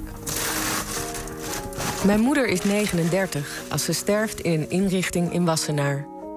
Ik ben dan 8 jaar en mijn oudere zus Sarah is 11. De schok is zo groot dat er dan nauwelijks over mijn moeder gesproken wordt. Haar bezittingen worden vrijwel direct verwijderd, maar gelukkig weet mijn tante twee koffers te onderscheppen. Tante Wieneke was de tweelingzus van mijn moeder, Rieneke dezelfde krullen. Ja, niet iedere krul is natuurlijk identiek, maar het is toch dezelfde vorm van gezicht, hetzelfde soort haar. Hier zie je verschillen in uitdrukking. De een lacht anders dan de ander. Volgens mij is eh, de rechter, dat is, is mijn moeder. Juist. Ja, zie je? Ik, heb ik, heb ja, ik herkent haar goed. En ja. komt, zij had een schevere mond. Dat was heel karakteristiek. Uh, dat, dat, zie je op andere foto's later ook. Ze had een, een hele scheve mond. En uh, bij mij was dat niet het geval. Ik heb tegenstrijdige herinneringen aan mijn moeder. Dat van een mooie en stoere vrouw op gimpies met kauwgom in haar mond. Maar ook het beeld van een wanhopige moeder. Een vrouw die vooral op het laatst veel huilde en vaak op bed lag. Nu vind ik nog een artikel wat ze geschreven heeft voor het NRC. En nog een gedicht. Het heet Mijmeringen van een huisvrouw. Nou, die hoort er dan wel bij. Uh, maar het belangrijkste waarvan ik dacht, dit heeft een symbolische waarde, heb ik bewaard. Wat je wil hebben, mag je hebben. Maar dan ga ik er nu ook afscheid van nemen, snap je?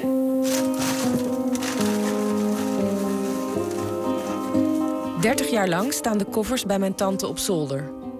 Als ik 25 ben, geeft ze me wel drie dagboeken van mijn moeder. Ze schreef ze in de laatste periode uit haar leven, 1976-1982. Precies toen ze mijn moeder was. Ik durf het dan niet aan om ze te lezen. Ik heb me op mijn carrière gestort en probeer mezelf staande te houden. Hansje, Pansje, kevertje, die klomp is weer omhoog. Nee, die klom laat op een hek. Na de geboorte van mijn zoontje Boris merk ik dat ik steeds nieuwsgieriger word naar mijn moeder. Bovendien ben ik ineens zelf 39, de leeftijd waarop zij stierf. Ik besluit alle dagboeken te gaan lezen en mensen op te zoeken die haar goed gekend hebben. Wie was ze? Martien Hombroek, een dierbare vriendin. Ik herinner me toch als eerste haar lach. Dat klinkt misschien raar, maar ja, jij hebt die lach ook. En uh, het lachende gezicht van Rieneke, dat is mijn allereerste beeld. Jeugdvriendin Vera Bets. Rieneke was zo'n ontzettend leuk, vrolijk, wild iemand. Echt zo'n meisje uit zo'n kinderboek. Zo'n tienerboek. Altijd lachen, altijd vrolijk, eh, altijd in voor, voor allemaal gekkigheid. En, en ze speelde goed fluit, bijvoorbeeld.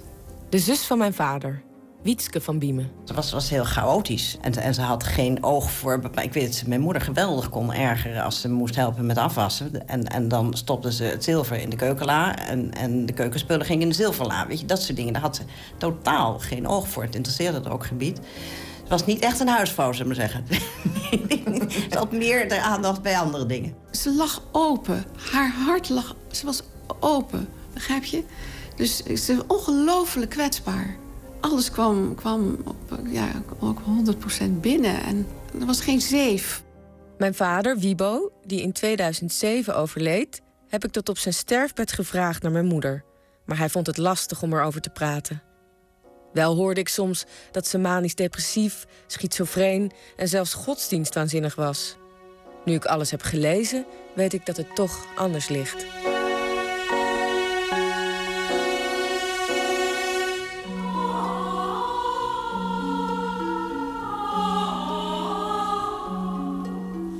11 april 1977. Ik vraag mezelf af hoe ik ooit tot een goed werk zal komen dat de aandacht verdient. De godganse dag houdt mij bezig met verzorging. En terwijl ik dit doe, heb ik allerlei visioenen. Ik zet mezelf in een prieel met een mooie flodderjurk aan. De kinderen dartelen rond met huisdiertjes en plukken bloempjes met de gouvernante.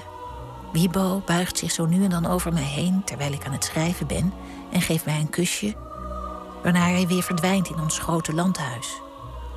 Maar dat bestaat slechts in de fantasie van deze auteur, die op dit ogenblik uit haar prieel wordt gehaald en terug in haar bovenhuis wordt gezet, waar zij vandaag de dag, tweede paasdag 1977, verblijft aan een blankgelakte tafel uit de bijenkorf met een vaasje narcissen die penetrant hun voorjaarsgeur verspreiden. Ik kijk uit het raam en zie aan gepakte huizen die ik soms wel opzij zou willen duwen om een vlakte te ontwaren. Een vlakke vlakte met mooie zachte kleuren, waarop ik alleen kan staan. Aan de horizon sta jij in berceuse te spelen en ik kom op het geluid af naar de horizon toe. Dan luister ik ernaar terwijl jij glimlacht, net zoals soms in je slaap. Bij de laatste toon die wegsterft, tik je even met je strijkstok op mijn hoofd en begint weer opnieuw. Ik ben een romantisch dier. Fibo leerde ze al kennen in haar puberteit. En dat was wel heel geestig, vond ik. Want die leerde ze kennen op, op dansles. We gingen allemaal op dansles, want dat hoorde ook bij je opvoeding. En uh, toen was ze uh, ontzettend verliefd op Wibo. En Wibo ook op, op Rieneke. Maar ik denk, dan praat ik over de leeftijd van... ik denk 15, 16 jaar dat ze waren. Maar natuurlijk ook dat hij op de muziekschool zat. En daar zaten wij alle twee ook op. En daar heeft Rieneke de eerste dwarsfluitlessen gehad. En daar zag ze Wiebo ook al. En op die manier is het verder gegaan. Dus naar dansles. En later uh, is Wiebo in Amsterdam gaan wonen. En Rieneke heeft hem altijd gevolgd. Omdat mijn vader een studiebeurs krijgt, vertrekken mijn ouders naar Amerika. Ze trouwen en mijn zus wordt geboren. Hier beleven ze de gelukkigste periode van hun leven. Toch keren ze terug naar Nederland. Ze vestigen zich in Den Haag omdat mijn vader een aanstelling krijgt als eerste violist bij het residentieorkest. Wim en Lisbeth de Jong, goede vrienden van mijn ouders. Wel een goede baan in een goed orkest. bij de eerste violen ook. Maar niet echt een solistencarrière of zelfs geen concertmeester. Wat hij ook eigenlijk niet kon, daar was hij eigenlijk veel te zenuwachtig voor. Want uh, ze, hebben hem nog eens geprobeerd of hij aanvoerder van de tweede violen wou worden. Maar dat, dat, had hij, hij had wel die techniek, hij was een heel goede violist. En een vioolgek echt. Iedereen keek tegen hem op, toch wel, hier in Nederland. Eh, volgens mij echt de beste violist in onze tijd van het conservatorium. Niemand die... Nee. Ja, ja, eh, ja. Claire Huids, collega van mijn vader en vriendin van mijn ouders. Ja, hij was natuurlijk zo met die viool en alles bezig en zo. En ja, het was niet haar grootste interesse. Ik bedoel, ze, ze hield van muziek, maar... er zijn dan een heleboel punten waarop je die ander dan ook niet kan begrijpen. Want het is natuurlijk... Uh, die muziek, dat is een deel van je. Hè? Dat, dat, die viool, dat is een verlengstuk van je lijf. En ik denk dat, dat daar ook veel onbegrip was. Ja. Onbedoeld. net zo goed als dat, dat, dat Wibo uh, totaal niet begreep uh, wat, wat, wat, wat die vrouw nodig had. En het ook niet wilde begrijpen, hoor. Dat was natuurlijk wat anders. Dat was natuurlijk Ik mocht hem, ik mocht hem ontzettend graag. Maar het was natuurlijk een super egoïst. Ja.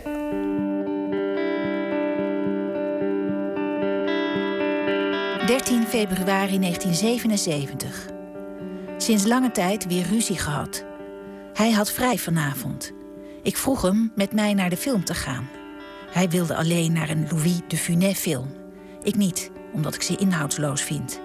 Ik vertelde hem dat hij dan wel alleen kon gaan.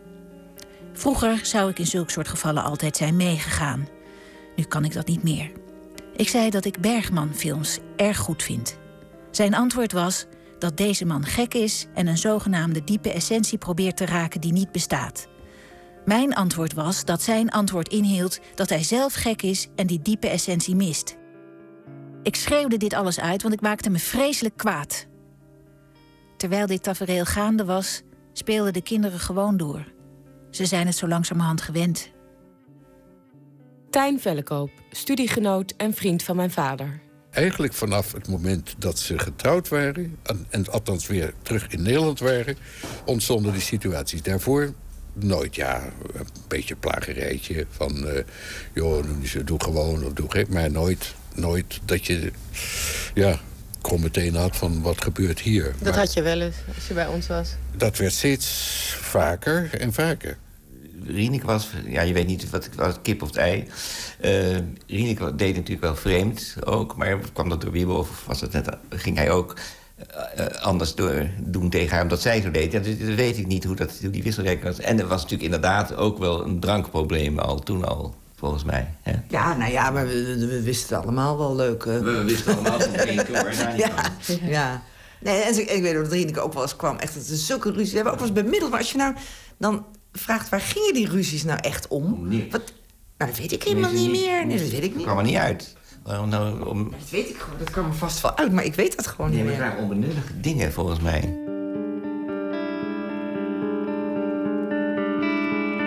December 1977. Gisteravond kwam hij thuis, aangeschoten. Ik had op hem gewacht, omdat ik bij hem wilde zijn. Wat gebeurt er?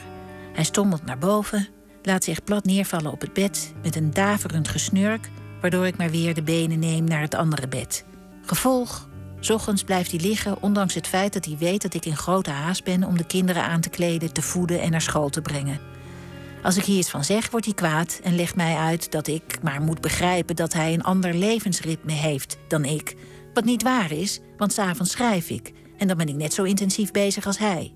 En dat hij van mij verwacht dat ik mijn plichten nakom als moeder en huisvrouw. Bij ons thuis was ze altijd bezig met kleine briefjes en papiertjes. Want dan kreeg ze een ingeving en dan moest dat direct op een papiertje geschreven worden. En dat vonden wij een beetje neurotisch. Want ze kon echt, dan was ze met je in gesprek. En dan ineens dan zei ze: nee, nee, nee, stil, stil. En dan ging ze ergens papiertje zoeken. En dan moest die zin, of weet ik wat ze dan, dan bedacht had op dat moment, dat moest eerst op een papiertje geschreven worden voor ze verder kon. En dat vonden wij een beetje merkwaardig. Een beetje raar gedrag. En toen moest ze ook nog eens een keer de verpleging in. Want dat was een goed beroep voor een vrouw. Dus, uh, en dat vond ze dus helemaal verschrikkelijk. Dat vond ze echt afschuwelijk in die, in die verpleging. Dat heeft ze me wel verteld. En dat ze echt heel ongelukkig was en, en iets anders wilde. En mijn vader heeft toen met haar gepraat en gezegd van... Nou, toen kwam blijkbaar ook die literaire interesse eruit. En zo is ze toen naar die bibliotheekschool gegaan. Mijn pen is mijn troost en mijn wapen. Al vraag ik me af of ik ooit iets zal kunnen publiceren. Heb nu voor de derde maal iets opgestuurd naar de krant. De eerste keer over de paus en de pil. De tweede keer een portret van de multinationals aan de VPRO-gids, dat blijkbaar onbegrepen is. De derde keer over Van Acht, die een knol voor een citroen verkoopt, aan het NRC. Maar het sloeg niet aan qua toon en inhoud.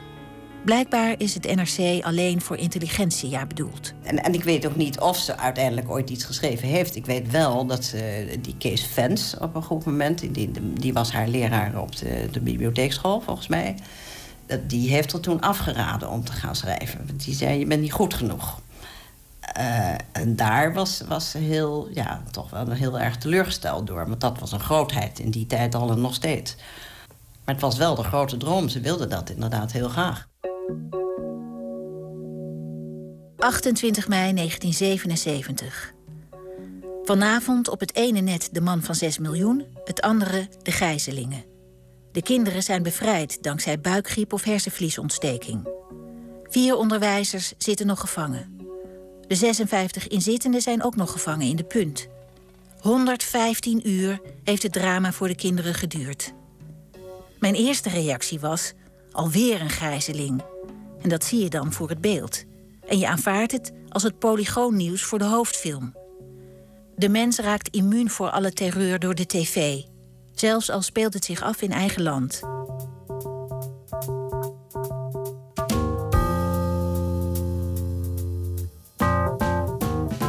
7 oktober 1978. Las in de Volkskrant mijn eigen gedicht Verzoek om negatie. Ik wist niet hoe ik het had. Mijn eigen gedicht, met zwart omrande lijst eromheen, onder mijn eigen meisjesnaam. Ik begon een beetje te trillen en daarna maakte ik een dansje met mijn kinderen onder luid gejoel. Vervolgens zakte ik natuurlijk weer af tot op de grond. Wat is nou één gedicht? om meteen te denken dat je beroemd wordt of dat je iets kunt bereiken met dat schrijven, dat is natuurlijk heel hoog gegrepen. En ze, ze was zich best bewust van haar capaciteiten die ze had. Maar het, uh, het pakte toch verkeerd uit omdat ze de lat te hoog legde. En dus niet tevreden was met een middelmaat, middelmatig bestaan. Dat, dat, uh, dat, dat was niet goed. Dus het was meteen, ik wil beroemd worden. Ik, ik kan het. En ze kon het ook.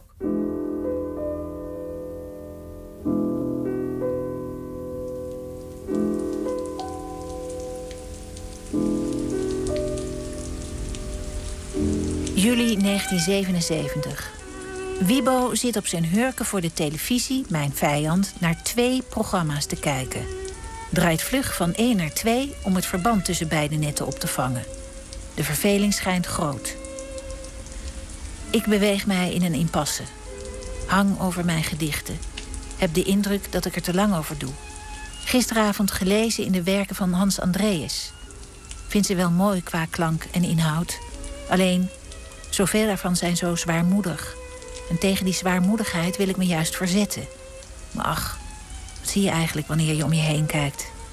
Aneengepakte huizen met keurige tuintjes, auto's die als een grote rups geparkeerd staan tegen het trottoir, boodschappen doende mensen, de krant op tijd, tv op tijd, kinderen uitlaten, eten koken, kinderen uitkleden, in bad doen, in bed doen, enzovoort, enzovoort, enzovoort. Dit heet leven, mijn god. Wat ben ik begonnen? Heb ik hier nou werkelijk naar verlangd? Is dit beschermd zijn? In deze leegheid, deze impasse, beweeg ik mij voort als in een vertraagde film, topzwaar. En alles zwaarder makend omdat ik het zo onderga. Daarbij natuurlijk steeds maar het knagende gevoel of ik werkelijk in staat ben iets te scheppen met woorden. Het weer is net zo grijs en niet zeggend als ik mij thans voel. Ik, ik zag altijd bij haar van, je leeft niet in de realiteit. Je, je, moet, uh, je moet wat nuchterder zijn. Je moet wat lichter aan het bestaan tillen. Je moet de vreugde van de dingen zien. En niet alleen maar dat zware. En waar dat nou vandaan is gekomen... of dat met opvoeding te maken heeft gehad... ik denk zeer zeker wel ook.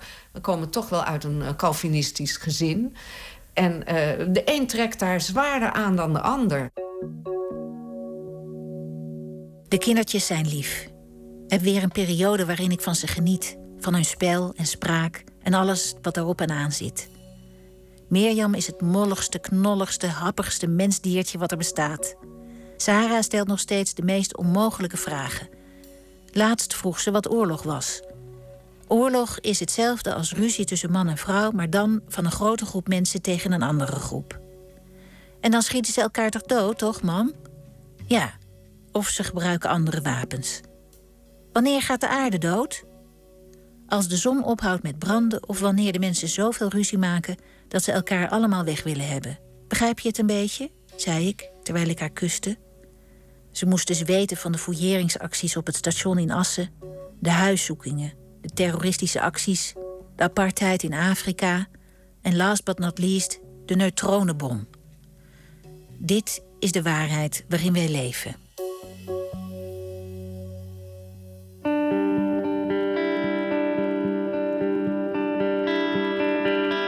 Dinsdag 21 juni. De tijd is zo gering dat ik mij afvraag hoe ooit tot prestaties te komen.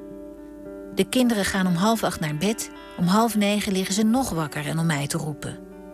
Daarbij de problemen tussen Wiebo en mij, die bijna onoplosbaar schijnen te zijn. Dacht niet dat hij werkelijk inziet dat mijn verlangen tot verwoorden essentieel is. Hij beschouwt het nog te veel als een poging van een gek. Het ging mis uh, door, door hun relatie. Omdat Wiebo natuurlijk toch uh, de hele dag bezig was, maar ook s'avonds. En uh, zij geen eigen plek had om, om zichzelf te kunnen bewijzen of ontwikkelen. Ze, ze zat toch in een ouderwetse man-vrouw patroon. En dat voelde ze heel sterk. En daar kon ze zich moeilijk tegen verzetten. Maar ze kon toch een baan zoeken? Nou, die banen lagen niet opge, opgescheept. En, en uh, ze heeft heel veel gesolliciteerd. Maar dat lukte niet. En ik weet dat ook nog goed. Dat was de jaren zeventig. Ik, ik had ook moeite met een baan te vinden. Dus dat was in die tijd uh, uh, echt niet, niet, niet vanzelfsprekend. Maar ze deed wel de beste voor. Dat weet ik wel.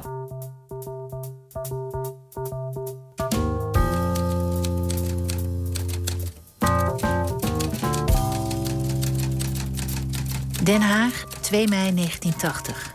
Geachte heer Van den Bomen.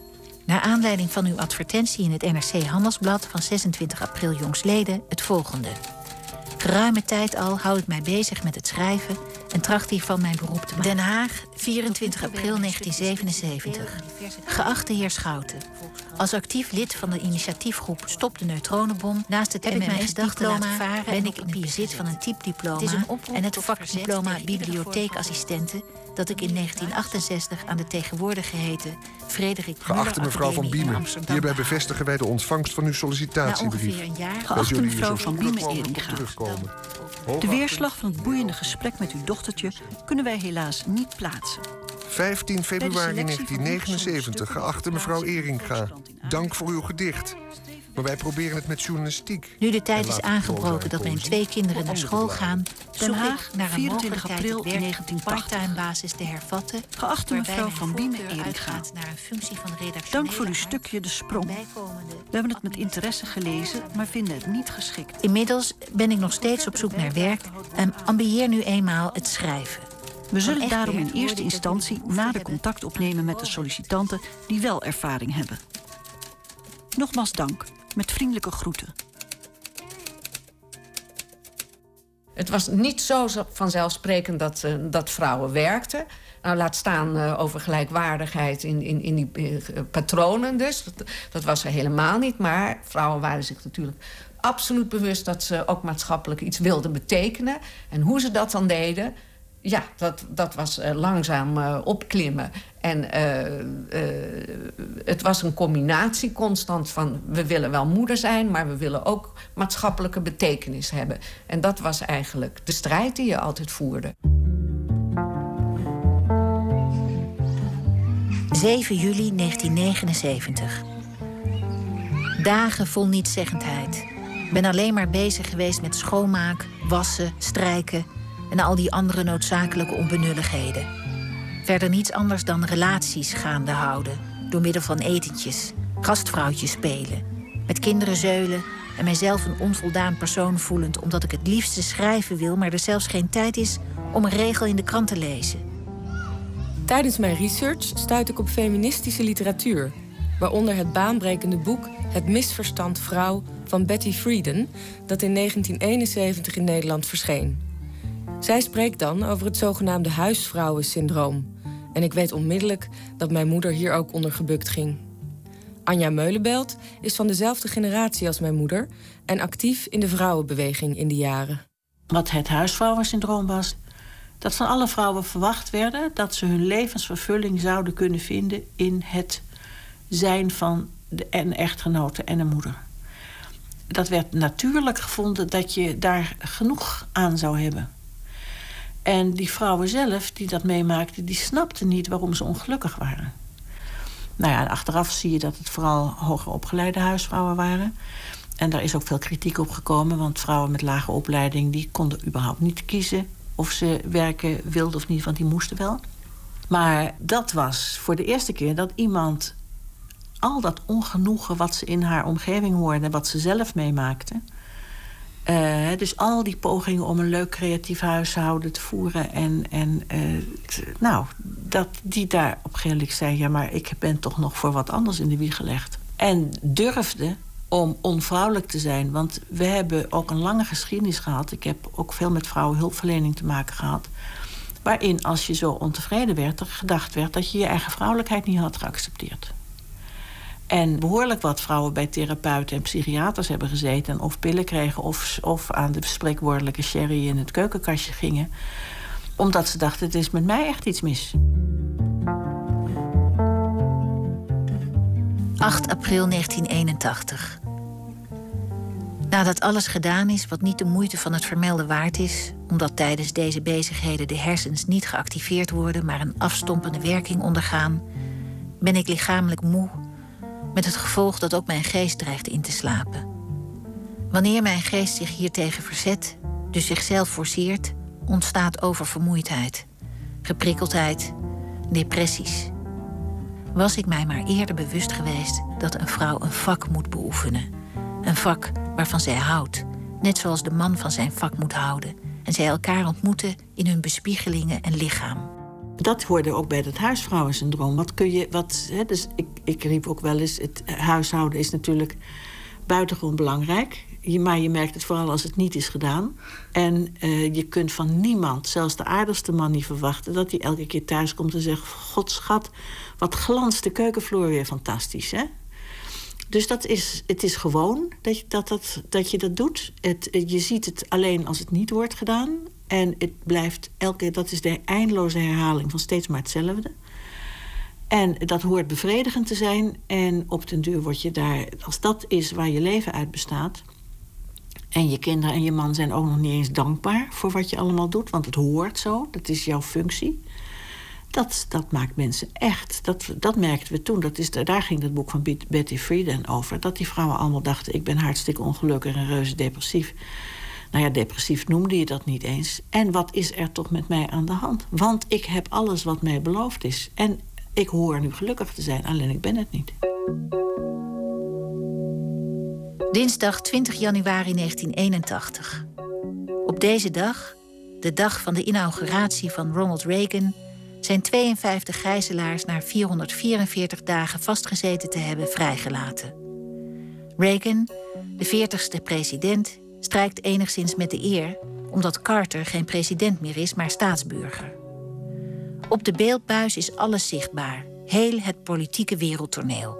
Te gek om los te lopen. Ondertussen is de doemklok drie minuten vooruitgezet. Op zeven voor twaalf staat deze nu. Wat betekenen die zeven minuten? Niemand kan dat voorspellen. Maar ijzingwekkend is het wel.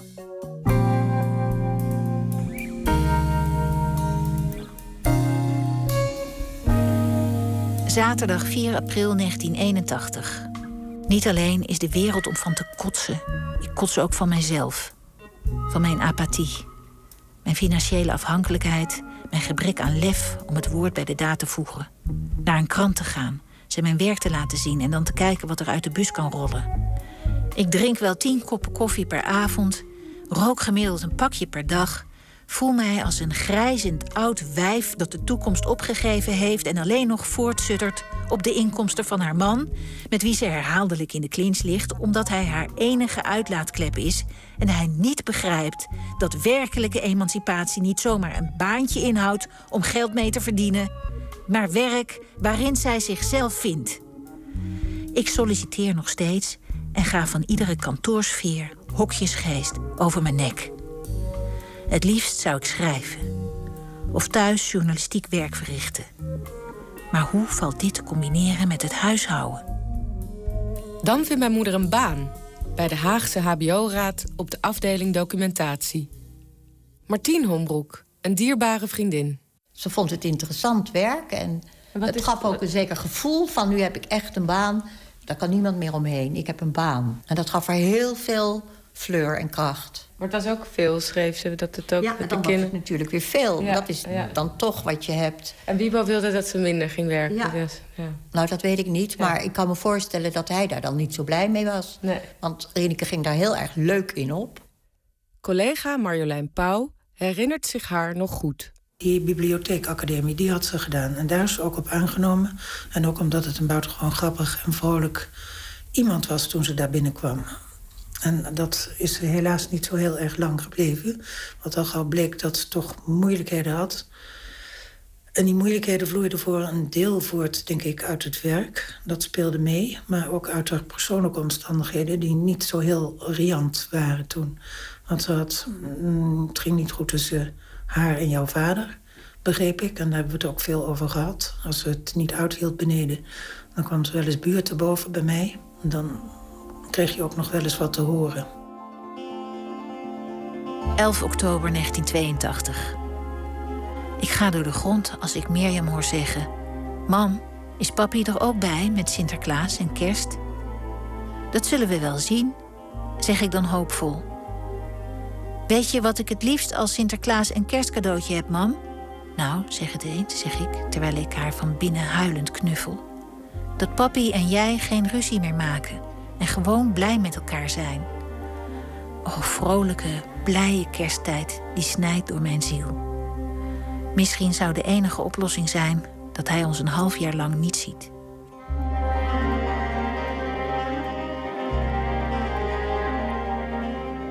Ik weet dus ook dat ze steeds ongelukkiger werd. En dat dat ja, ook door de combinatie van factoren kwam. Dat ze het gevoel had dat alles uit haar vingers viel. En dat ze geen greep meer had op de dingen. Nou ja, dat kan ik me ook wel indenken, want je leven stort in. Je bent veertig en je hebt twee kleine kinderen.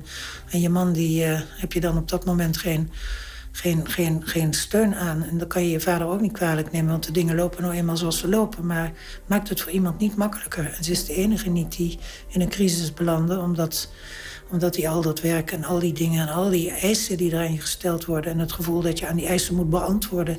Want dat is het ook nog eens een keer. Het was toch ook wel een verwarrende tijd. Ja. Je moest je emanciperen, want iedereen emancipeerde zich. En bij ja. Rieneke was het denk ik zo dat ze vond dat ze moest gaan werken. En dat het ook goed voor haar was. Omdat ze anders daar in die uh, benauwenis van het huishouden zat. Nou, dat was gewoon te weinig voor haar, intellectueel ook. Die had meer in de bol. Nou ja, en dan rol je in zo'n baan die niet de makkelijkste is. 12 september 1981. Heb hem vannacht ons hele verleden over zijn hoofd gekieperd. Hem duidelijk gemaakt dat hij mij altijd in een hoek gedrukt heeft en dat dit sterker is geworden vanaf de geboorte van de kinderen. Het hele moederschap en daarmee de economische afhankelijkheid heeft mij geen goed gedaan, terwijl ik altijd een combinatie van moeder zijn en werk voorstond. Zoals vanaf maart het geval is en hij niet heeft kunnen verwerken. In ieder geval heb ik hem duidelijk gemaakt dat ik niet langer bestand ben tegen totale isolatie van hem ten aanzien van mij. Heb hem ook gezegd dat als hij hiermee doorgaat, ik werkelijk kans loop gek te worden. Het meest kapot ben ik nog van het feit dat hij in gedachten alles opgeeft, mij afgeschreven heeft. Vandaar dat ik morgen informatie ga opdoen over een scheiding. Liever mijzelf blijven dan een schim worden van mijzelf, omwille van een valse instandhouding van het huwelijk. In 1982 wordt mijn vader verliefd op een collega. Mijn moeder stort in. In haar laatste dagboek overheersen berekeningen. Ze maakt zich duidelijk zorgen over een toekomst als alleenstaande moeder. Die, ja, die breuk tussen Wiebo en Rieneke die er toen was... dat die haar alles ontnomen heeft wat nog kracht in haar was. Dat ze toen heel onzeker is geworden. Ja. Want ik denk dat ze toch altijd nog op haar manier ook van... Wiebo is blijven houden. Dus dat is heel pijnlijk en heel verdrietig. En dat dat niet meer kan. 13 november. Zo wisselvallig als het weer kan zijn, zo wisselvallig zijn mijn gemoedstemmingen. Nu weer denk ik reuze sterk te zijn, een krachtige persoonlijkheid die zich door niemand in de weg laat staan. Dan weer slaan depressies toe en zak ik weer weg in mijn eigen onzekerheden. Moet toch zorgen voor een zekere stabiliteit. Is voor alles en iedereen beter. Ik, herinner me wel dat ze toen nog thuis was, maar dat ze zich steeds meer afzonderde en dat ze steeds banger werd. Dat is dus een, proces. En uh, dat vond ik heel erg om dat uh, mee te maken. Dat ze echt vreselijk angstig was en, en uh, alleen maar op een stoel zat op den duur. En ze rookte heel veel, vroeger ook trouwens. Dus ja, dat was die houding. En, en uh, ja, dan zag je natuurlijk, dit, dit, dit loopt fout. Vrijdag 26 november 1982. Weg met het verleden. Weg. Weg. Weg. Vooruit. Naar jezelf toe met zelfvertrouwen. Nergens iets van aantrekken. Met je kinderen meegaan. Het goede voorbeeld geven. Je vrijmaken. Nergens bang voor zijn. Je niet en nergens door laten intimideren. Alles vooral rustig en langzaam doen. En die rust ook aan de kinderen geven. En toen is ze op een gegeven moment opgenomen, hè, zelf? Heeft ze dat besloten? Ja, Weet ja, je dat? Ja, ja, en toen heb ik haar gebracht. Ja, naar, de de, Ursula. Ursula-kliniek. Ja. En daar... ehm, ja, Dat was haar eigen beslissing. was haar eigen beslissing. We zijn samen met de auto daar naartoe gereden. In die oude eend. Ja. Ja, maar ik was er alleen maar blij toen om... dat we naar iets toe gingen waar misschien Reneke geholpen zou kunnen worden. Want het zou echt niet goed gaan anders. Nee. Zoals, ja, hoe noem je zoiets? Aan het verdwijnen. Ja. Ze werd een schimmetje. Ja. Een bange schim. Terwijl het een vrouw was waar zoveel goeds in zat. Dat was echt afschuwelijk om te zien. Ja. Als iemand een schim wordt. En die depressie waarin ze raakte, die maakte dat ze in de Ursula opgenomen moest worden. Ja, ik, ik kon haar daar niet uithalen. En ik denk niemand, maar ik denk wel dat als, als er meer met haar gepraat wordt... en het minder op gekte gegooid was, want ze was helemaal niet gek. Totaal niet. Helemaal niet. Dat er dan veel meer mogelijk was geweest. En het was ook gruwelijk zoals ze daar zat... en al maar bezig was met te denken... dan loop ik de snelweg over en dan ben ik dood. Ja, waarom wil je dan zo graag dood? Ja, omdat ze er niet meer uitkwam. Maar dat moet toch niet nodig zijn? Dat heeft ze u allemaal verteld, dus? Dat heeft ze mij verteld toen ze in Ursula zat. Toen heb ik haar een paar keer opgezocht. En geprobeerd om met haar te praten. En te zeggen, hou nou op, je, je, je, je, je, je kan nog... Je, je zit niet helemaal aan de grond. Dat hoeft niet. Maar ja, je bent er niet bij en je weet ook niet wat ze met haar doen. En je weet ook niet, ze werd helemaal gek van al die praatgroepen... en al dat, al dat gedoe waarin je dan je eigen ziel moet gaan, gaan ontdekken. Ik denk ook dat je daar nooit iets mee kan. Dat, dat kun je doen op het moment dat je ergens doorheen bent... maar niet op het moment dat je in de put zit. Dan wordt het alleen maar erger. En wat zei u dan als ze dat zei? Dat ze dat maar niet moest doen. Maar dat helpt natuurlijk niet. Je kan een zelfmoordenaar niet van zijn plannen afhouden. Dat lukt niet. Ja, ze zag er daar ook heel mager. En ook kostte het haar soms moeite om met jullie dan in contact te treden.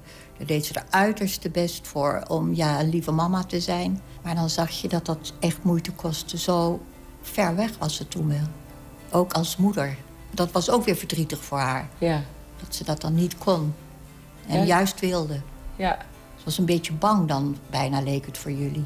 Oh ja. Jullie waren dan eigenlijk sterker dan dat zij was. Ja. En dat was heel moeilijk voor haar om, om dat ook weer mee te moeten maken. Ja. Nou, ik weet nog wel dat ik hier heel erg heb zitten huilen een keer. Hoor. Ja, het was echt, echt die tocht er naartoe. Dat was niet... eh, ik zie dat nog in, dat achteruitkijkspiegeltje. naar jullie twee snoetjes daar achterin. Dus een beetje zo hoog als je die kliniek naderde. In de hoop dat het goed met haar ging. Hè? Ja. Dat, dat was jullie grote Ja. hoop en verlangen. Ja, dat was heel verdrietig hoor. Ja. En dan gebeurde daar niet zo heel veel dat jullie ook gerustgesteld werden. Nee. Zo van, het gaat de goede kant op. Mijn moeder zit in totaal vijf maanden in de kliniek. Een dag voor haar ontslag maakt ze een einde aan haar leven. Ik heb haar nog wel gesproken, maar nooit meer gezien. Vrijdag 20 augustus 1983. Mijn moeder heeft zelfmoord gepleegd. Met een sjaal. Toen is ze gestikt. Toen de kist op het podium lag en de tweelingzus van mama ging vertellen, begon ik bijna te huilen. Maar gelukkig kreeg ik een brok in mijn keel. Nu heb ik een andere moeder. Ze speelt cello. Dat is erg mooi. Ze is erg lief en ze heeft lang blond haar.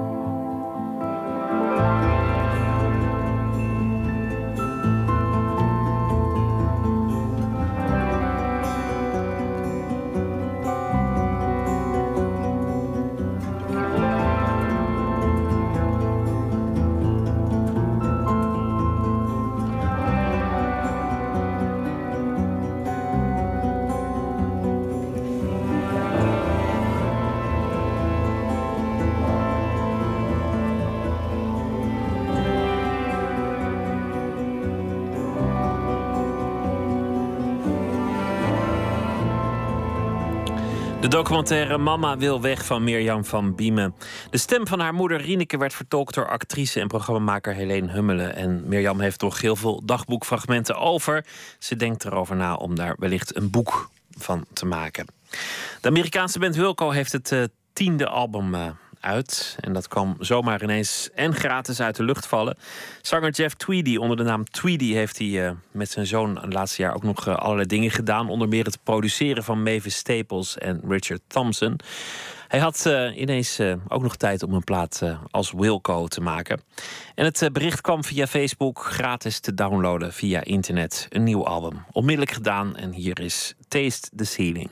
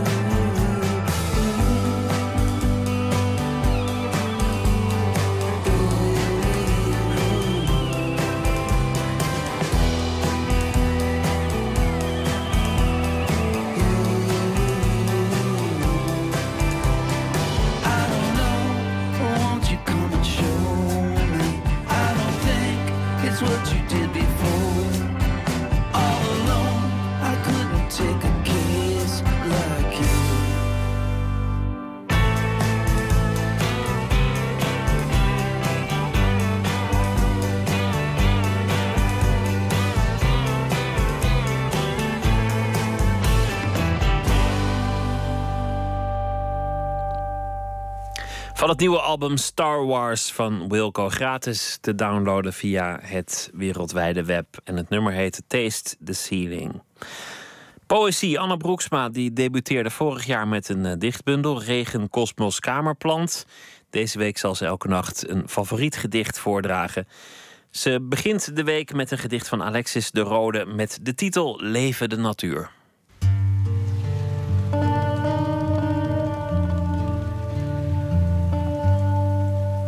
Ik heb gekozen voor een gedicht van Alexis de Rode. En uh, dat wil ik even toelichten, dat gedicht. Ik ben de afgelopen jaren veel in Scandinavië geweest. En wat me daarin aantrekt zijn uh, natuurlijk de eeuwig zingende bossen. Uh, dus de natuur. Maar wat ik ook heb ontdekt is dat je niet langer dan een paar uur alleen in die natuur moet ronddwalen. En ik leer steeds meer en meer dat ik dus andere mensen nodig heb om overleven. En dat wordt ook geïllustreerd in dit gedicht van Alexis de Rode. Ik vind Alexis de Rode een goede dichter en tevens een goede echtgenoot. Leven de natuur. Tien vrienden. Dat is wat ik nodig heb. Zonder mens is natuur een ijsput om lijken te dumpen. Waar vindt men zoveel ledematen als in het vrije veld? Een rompje, een hoofd, een plastic zak met ingewanden. Natuur is onverschillig. Maar geef mij op dit heideveldje achter elke berg een vriend. Die af en toe opzij stapt en zwaait en lacht. Met een biertje in de hand. Dat zou dit bos helemaal afmaken. Zoveel vriendschap in een landschap. Je zou van plezier niet weten waar je heen moest. Nu volg ik steeds maar de witte route.